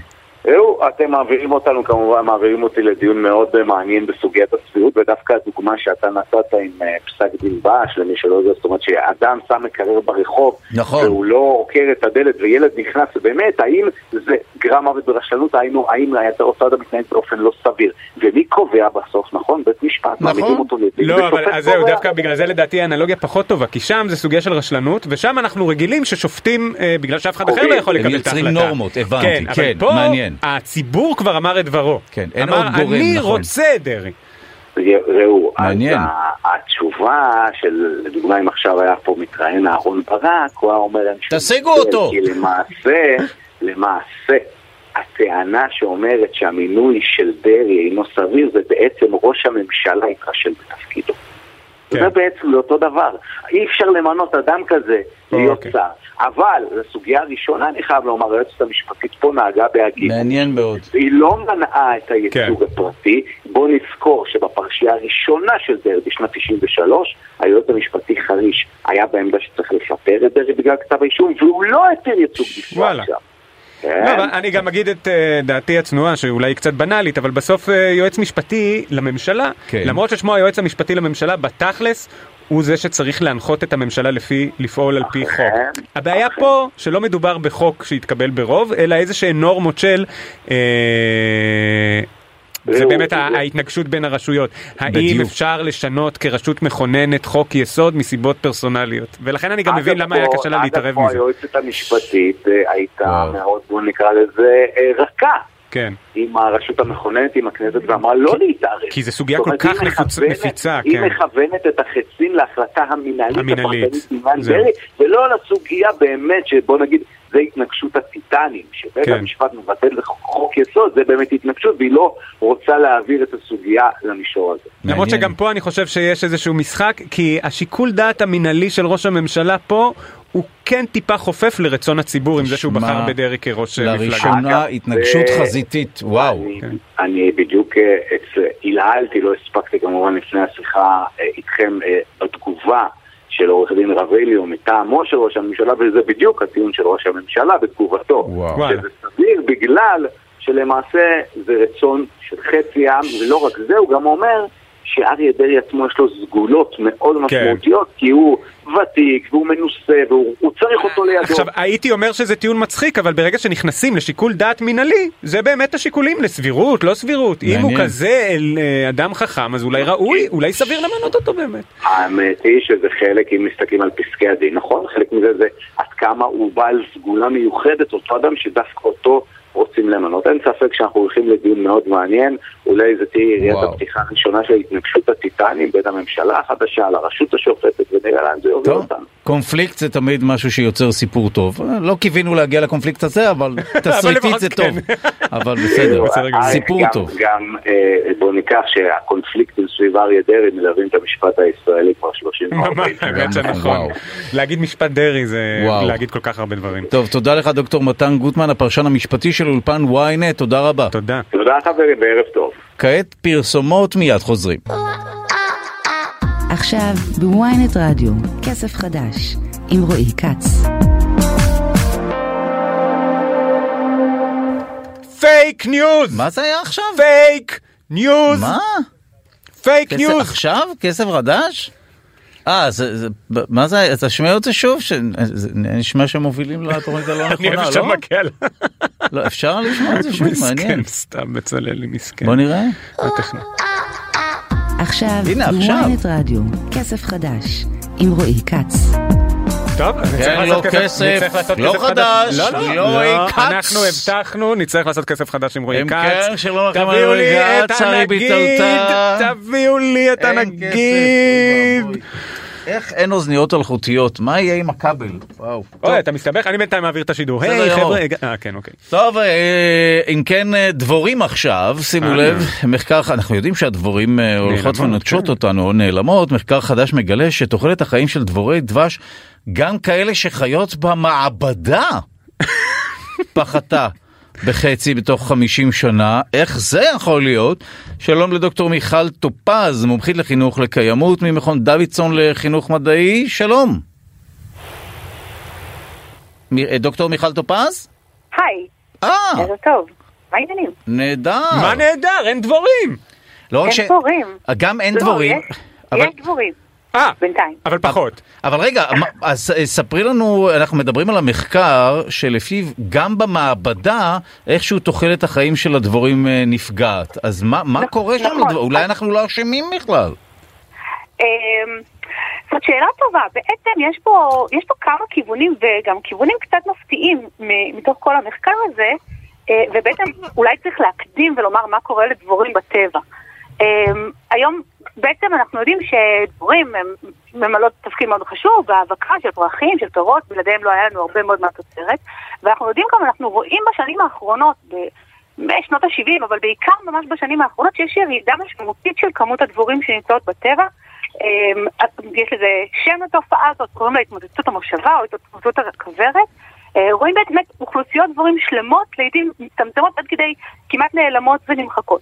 רגע, זה הזמן לא גם אה. לומר לציבור לא להרוג דבורים, וגם אם אתם נתקלים באיזושהי כוורת אה, דבורים מאולתרת, יש מי שיפנה אותם, זאת אומרת עדיף לא לפגוע באמת אה, בדבורים. מעניין. לא, אבל מהסיבה. הזאת, פשוט כי זה מסוכן גם, לא? לא, לא, לא, לא, לא, גם לא להרוג סתם ולרסס. להרוג, לא, אלא להעביר את זה. למקום אחר. אנחנו באמת נורא נורא תלויים במין הזה בכל כך הרבה דברים שאנחנו אפילו לא תמיד חושבים עליו, כי אפילו, כי, כי חלק מאוד גדול ומשמעותי מהאוכל שלנו תלוי במין הזה. עכשיו, בגלל כל מיני דברים כמו אה, בנייה והפחתה בשטחים פתוחים והתפשטות של מזיקים וחומרי הדברה, באמת יש המון המון סיבות ש, שנראות, ועדיין החוקרים מנסים להמשיך ולהבין למה הדברים נעלמות מ, מ, מהטבע.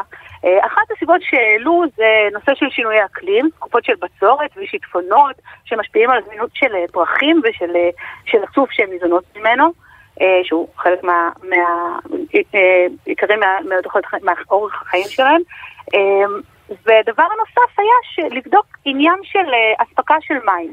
וזה בעצם מה שעשו החוקרים במחקר הנוכחי, הם בעצם הגיעו חבורה של אנטומולוגים אמריקאים, חוקרי חרקים מאוניברסיטת מרילנד, וניסו לבדוק אם אספקה סבירה של מים יכולה להאריך את תוחלת החיים של דבורה, של כל דבורה. אז הם גידלו דבורי, דבורי דבש בתאי מעבדה, והזינו אותם באופן מלאכותי ועקבו אחרי תוחלת החיים שלהם. הדבורים הוזנו בסירופ סוכר, שזה חלופה טובה למזון שמוספות בטבע, בתוספת מים, מי ברז, מים מותפלים, מים שמכילים אחוזי מלחים, וגילו שבאמת תוספת של מים מכל אחד מהסוגים מעריכה בצורה טובה ומשמעותית את החיים של הדבורים, הם חיות פי שתיים. כלומר, דבורים שקיבלו סירופ סוכר בלי מים חיו בסך הכל 15 ימים, ודבורים שקיבלו מי סוכר עם, אה, סליחה, שקיבלו סירופ סוכר עם מים חיו יותר מ-21 ימים, רובן. אז המסקנה היא שבאמת נגישות למים יכולה להגדיל את סיכויי ההישרדות של דבורים, שזה לא דבר מאוד, אה, לא הייתי אומרת שזה פורץ אה, אה, ככה מאוד מאוד מפתיע, אה, בעיקר זה מאוד חשוב בתקופה שבה אנחנו מדברים, בעיקר באזור, באזור שלנו, על תהליכי מדבור ועל שינוי, כתוצאה משינוי אקלים, אבל מה שקרה במסגרת המחקר זה קרה דבר אחד נוסף, שלא היה חלק ממטרת המחקר הראשוני שלנו. זה, זה תמיד הכי מעניין. נכון. תמיד, מזה ברור. קורים, מזה קורים כל הדברים הכי טובים, אוקיי. נכון.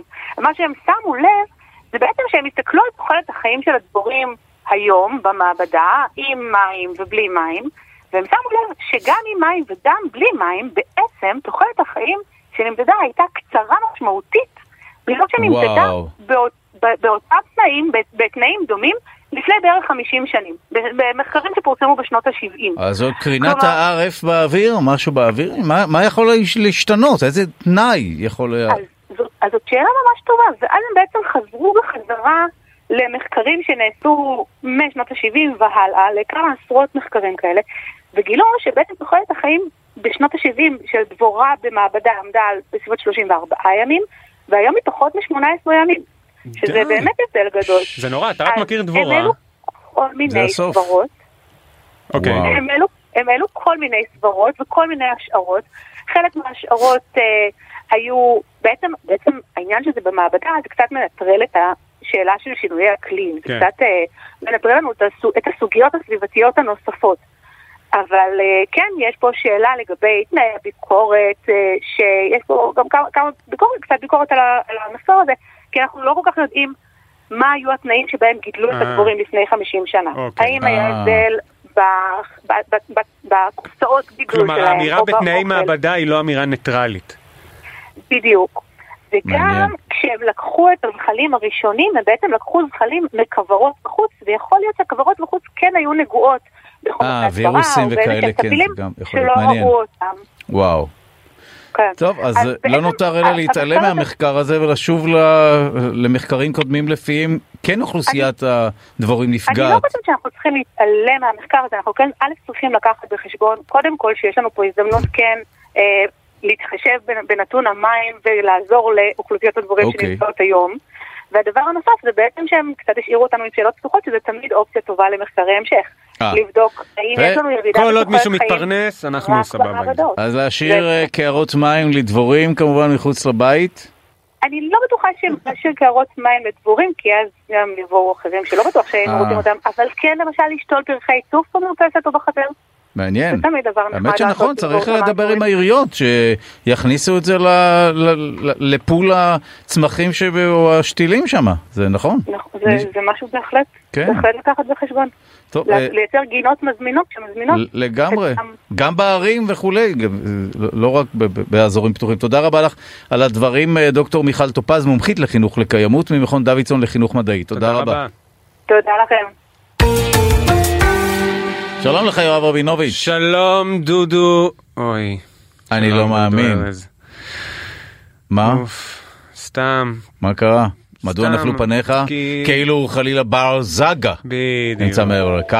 למה אין לנו אה, איזה... אנחנו... רגע, לא שומעים אותך בר. אתם שומעים אותי? עכשיו, אה, יש שם איזה... עם פידבק, האם אתה עושה סאונד? אתה רגע לפני אני הופעה?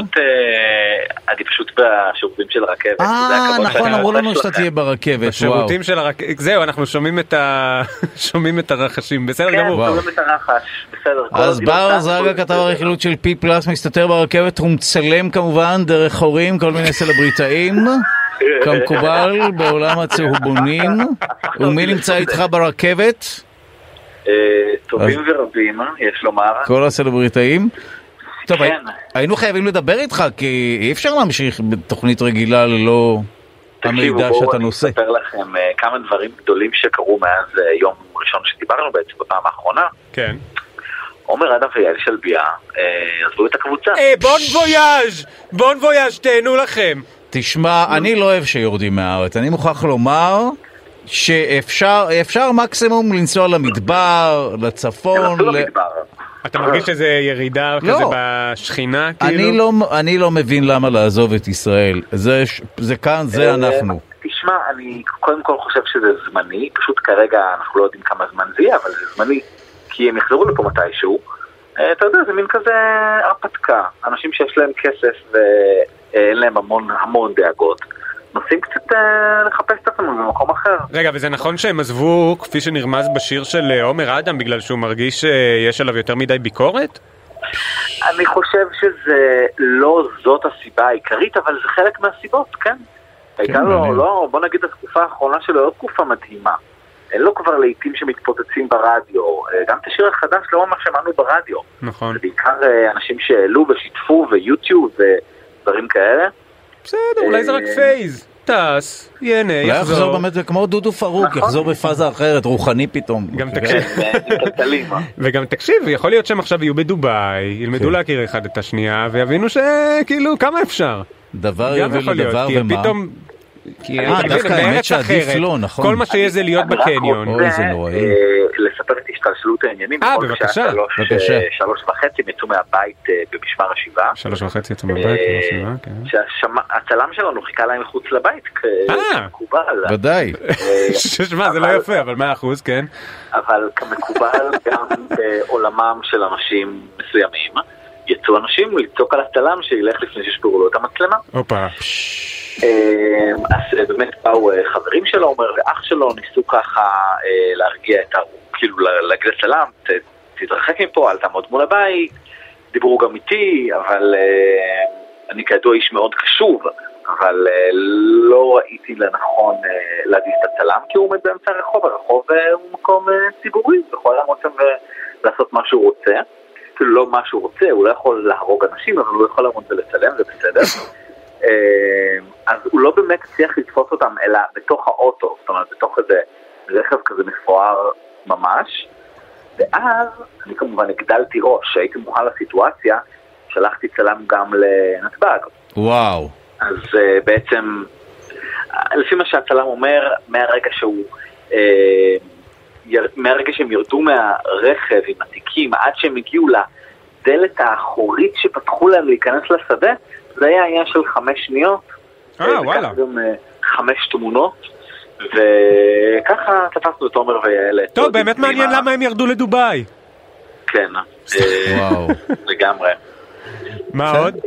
מה עוד? טוב, אחרי הסערה הזאת שהייתה אתמול בצהריים, באמת אה, בערב ככה, אתה יודע, אני כבר על חצי ב', יושב מול הטלוויזיה, יושב מול הטלוויזיה, ככה רגע לפני שאני אוכל את ארוחת הערב, ופתאום, הפלא ופלא, למזלי, היו לי התראות באינסטגרם של, על האינסטגרם של עדית בר-זוהר, אה, נו, כן. ראיתי את התמונה עם הטבעת. האישה- מה זה הטבעת המשוגעת אם הזאת? כן, הצעת נישואין שמה מה הטבעת? זאת אומרת, מה מה שוויה? הטבעת זה אומר שמציעים, מה שוויה. תראו, אני אה, קראתי בדיוק כמו כולם, אה, שכתבו שהיא שווה 300 אלף שקל בערך. אני... אוי לא. רגע, רגע, רגע. רגע. בסדר, הרכבת עוברת בין אנטנות, זה בסדר, אוקיי. אתה מפקפק, זה לא שווה 300 אלף שקלים? אני, אני לא יודע, אני לא מבין ביהלומים, לא היה לי יהלום מעולם, ומעולם אה, לא היה לי? חלום לקנות לך יהלום. מה זה לא היה לך יהלום? אז uh, אני דיברתי עם חברה שמתעסקת בתחום, והיא אמרה לי שאי אפשר באמת להעריך את השווי דרך התמונה, כי אי אפשר לדעת אם זה יהלום- אמיתי, יהלום מעבדה, אה, רמת הניקיון של היהלום, דברים שאי אפשר לדעת מתמונה, אבל כן, יכול להיות, הוא מאוד גדול, בטוח אוקיי. יקר. עם מי היא מתחתנת? אה, עם כל הכבוד ל- לפרטים על היהלום, אבל מי? עם אה, איש, אה, איש עסקים, אני אקרא לו בשם קווין, הוא בחור צרפתי, הוא לא מדבר עברית. אוללה. אתם יודעים מה השם המשפחה שלו? מישהו יש לו ניחוש? לפרונס. ל- לטר. צרפתי. אה, צדקתי! אני צדקתי! מה זה הסיכוי? כאילו, הכי סטיגמה, הכי צרפתי. וואו. אה, זה נקרא מדרש שם, לקרוא לבן אדם על זה שם. קצת כמו שפעם היו מזלזלים בילדים, אז היו פוקסי השועל, היו נותנים לדמויות כן. סתם את השם כזה. כזה- זה כמו אנשים שקוראים לכלב שלהם אה, שם רקסי. מרושל. כן, רקסי. רקסי, נכון. זה כמו חתול בדרדסים. זה קלאסי. בקיצור, אה, הוא אה, עשה לה, הוא הוציא לה נישואים, הוא כמובן הגיע על סוס לבן, כמו שהיא ציפתה. מה? שימוש בבעלי חיים? שימוש בבעלי חיים, כן. אה, וכשגבר בא על סוס לבן, קשה להגיד לא. טוב, אה, כן, בדרך כלל זה משהו מטאפורי, ולא נכון, לא לא צריך את להגשים את המטאפורות. אבל אנחנו כמובן מברכים כל זוג שנכנס תחת אה, כן, ברית... שיקימו אה, בית, אה, אברהם, או לא אברהם, זה- אה, ברית משה. אה, אני לא יודע אם אתם מכירים את הקטע האיקוני של לי גרינר מספרת על איך היא סילקה את הביבית מהחתונה שלה, אתם מכירים? לא. נו, אתם לא מכירים? לא. איפה? איפה מה? איפה אתם חיים? אה. אנחנו ynet, רדיו ynet. אה, אוקיי, הבנתי. אז אה, אני אדאג שהסרטון הזה יגיע לכם. יש בסדר. סרטון מפורסם שבו לי מספרת על איך היא גירשה את הביבית מהחתונה, היא מספרת את זה. לחנוך דאו. אז רגע, אז מה יקרה עכשיו בחתונה? אז לי העלתה סרטון כבר היום בבוקר, שבו היא אומרת שהיא מקווה שהביבית תזמין אותה, ולא. תגרש אותה, והיא מבטיחה לעשות שמח. זה הכי. חשוב. אנחנו בעד פיוס, תודה רבה למי ששם נפשו בכפו. ונכנס לשירותים ברכבת כדי לדבר איתנו, כתב הרכילות של פי פלוס בר זגה. ואל תשכח להוריד את המים בבקשה, לשטוף ידיים, תודה רבה. בבקשה, זה מה שאני אעשה עכשיו. אני לא חושב שיש מים. יש- מים? כן, יש מים, כן, כן, כן, הנה, יש ואז- מים. הנה, עוד רגע האסלה נשאבת פנימה. הנה. תודה על העדכון את זה? זה במטוס. יאללה, זה להתראות. נופל פשוט, לא? זה לא נופל? לא, לא, זה- הוא לא בתוך הרכבת, אני חושב בתחנה. אה, הבנתי. אני חושב, אבל גם ברכבת אני חושב שיש מים. אוקיי, אות. שלום לך יואב רבינוביץ'. שלום דודו ארז. ושלום למי שמצטרפת אלינו הישר מדסק חול פי פלאס עם בל חננאל. מה קורה? מה שלומך? אם כן טירוף. וואו, אני אני עדיין בשוק שברכבת יש שירותים באמת. כן, לא, אני כן. זוכר שיש את בקרקעון השירותים כזה. למטה, כן. בסוף, מה, אה, אנשים ייסעו שעה בלי פיפי? אה, זה? באירופה אתה נוסע ברכבות שעות בלי פיפי. די, נו. יש בצרפת ממש, תקשיב, אני מזעזע, פעם כן? אחת עליתי על רכבת מקנדה לארצות הברית. אוקיי. ולא, 13 שעות אה, נסיעה ברכבת, ולא אמרו לי שאין איפה לקנות אוכל. אה, 13 שעות? 13 שעות, בהתחלה היה בחור, לא חשוב מאיזה עדה יפני, שהחזיק כמה סנדוויצ'ים, אמרנו לא רוצים. בטח אה, סנדוויץ' כזה של אה, תקשיב, סושי. לא, לא יפני. סושי, לא, תקשיב, אמרנו לא רוצים. 13 שעות אכלנו ניירות, זה גן. זאת אומרת שאין מה לזלזל גם ברכבת שלנו כמובן, אבל יש שירותים אה, אצלנו, ככל שזכור זה לי. ממש מפתיע. נורא ואיום. אה, וי-פיי אין, סליחה. אה, כן, מה חדש ב... ברכבת? אה, לא, וי-פיי אין. באמת? וי-פיי אין, יש אינטרנט ויש קליטה, אבל אה, אין נכון, וי-פיי. יש קליטה. אתה צודק. לא, לא, נכון. אבל אין, אה, אבל לפעמים אין. לפעמים אין. כן, ענבל חננאל, אה, מה, מה, מה. בשיח? טוב, אז אני עכשיו, אה, אני מרגישה שכאילו זה הכל כמו דז'ה וו אחד גדול, אבל אני אספר לכם על אה, ראיון חדש של הנשיא חרי. כי לא הוא שמענו- מתפרנס רק מרעיונות, נו, מה, איזה מה כיף. וואו, לא שמענו ממנו באמת כבר אה, אני בהלם. המון המון זמן, אז אה, תראו, ביום שלישי הבא, זה כאילו ממש אה, עוד שבוע, צריך לצאת לאור הספר האוטוביוגרפי שהוא כתב. אה, אם זה לא מספיק, אז אה, אתמול יצא כמו טריילר כזה קצר ו... אה, קצר וחריף לראיון שהוא סיפק ל-CBS. אוקיי. אה, בעצם ראיון של, שנמשך 60 דקות. במהלך הראיון הזה, הקטע הקטן שיצא החוצה, אז באמת שומעים את הרי מדבר על זה שבית המלוכה השתיקו אותו ולא תמכו בו. ממש ממש. כאילו די סוג כבר, של- הרי, שהבנו.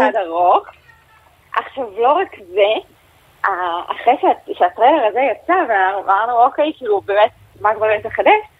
יצא טריילר נוסף לראיון אחר, הפעם ברשת ITV, גם עם הרי, שגם יעלה לאוויר ביום ראשון, ושם הוא יותר מדבר על הקטע המשפחתי, שהוא באמת אה, אה, מתגעגע לאח שלו ומתגעגע לאבא שלו, אבל אה, הבכיינות ה... טוב, צריך למצוא לו עבודה. סתם חייבים. עבודה, כן. עכשיו. אני אגיד לכם מה הקטע. אה, בארמון בדרך כלל אה, נורא ממהרים להתייחס לדברים כאלה, וגם על הסדרה שלהם בנטפליקס לא הגיבו. ומה שקורה עכשיו זה שבעצם אה, כל מיני מקורות מהארמון התחילו לדבר ולהגיד כאילו מה התחושות. ואחד שהוא מומחה ממש לענייני בית המלוכה, וגם בסרט, בסדרה של הרי ומייגן למדנו שלהיות מומחה לענייני המלוכה זה באמת שם להיות מומחה לענייני המלוכה, וזה קשר ישיר. אה, הוא אמר את זה משהו ממש יפה בעיניי, והוא אמר שבכסף הזה אפילו לתקשורת יימאס מהרי ומייגן. זה נכון. וזה ממש נכון. וואו. כאילו זה למרות שהתקשורת נכון. כל כך נהנית מזה, כי כל, באמת שכל טריילר, למרות שהם חוזרים על עצמם, באמת אפשר להוציא כותרות מדהימות מכל כל פעם מחדש. אבל כן, אני, אני מסכימה שבסוף באמת התקשורת יימאס לה. לא, צריך לדעת לטפטף קצת, לשמור על, לשמור על מתח איתנו, כזה לתת לנו טיפה, לחשוף קצת, ואז עוד, ואז תהפוכות, אי אפשר, נגיד את האופרה, את הריאיון המפורסם באופרה, עברו כמה שנים טובות מאז ש... שהיה, אבל אה, בסדר. טוב. מה, אז הם הספיקו, אגב, אותו אחד, אה, קוראים לו דיוויד, אה, המומחה לבית המלוכה, ממש ספר את ה... כאילו הוא אמר כזה בחודש האחרון, באמת, קחו חודש, יצאו שבעה טריילרים שונים, כאילו, להרי ומייגן. וואו. זה, זה מטורף. זה לסדרה, זה ל- לראיון ל-ITV, לראיון ל-CBS, כאילו, אני לא, כאילו, ואת אני את- לא... את תצפי בכולם? חד משמעית, אין פה בכלל ספק. די, נו, זה אני לא באמת מעניין, זה מעניין. יש, יש תחביבים, כאילו- לאנשים יש תחביבים. לא מקבל. זה העבודה שלה, דודו. זה נכון, נכון. אתה יודע מה, זו העבודה שלי, זה נכון, אבל יש משהו מהפנק בזה, אני באמת אומרת לכם. לגמרי, לגמרי, לשמוע ברור. את אותו בן אדם אומר את אותו דבר, ב- ב- ב- כאילו, כל פעם במילה אחרת, כל פעם יש איזו בגידה אחרת של הארמון, זה כאילו, מדהים. הפעם הכותרת זה ששתיקה זה סוג של בגידה. בסדר גמור. אה, ענבל, ענבל חננאל, ראש דסק חו"ל בפיפלוס, תודה רבה לך. תודה לכם. אנחנו סיימנו שעה ראשונה מתוך שתיים. העורך שלנו רון שמואלי, המפיקה סתיו מופשוביץ, טכנאי סתיו בצללי, תודה לך יואב רבינוביץ'. תודה לך דודו ארז, ניפגש מ- בקרוב, לא? מיד חדשות ושעה שנייה.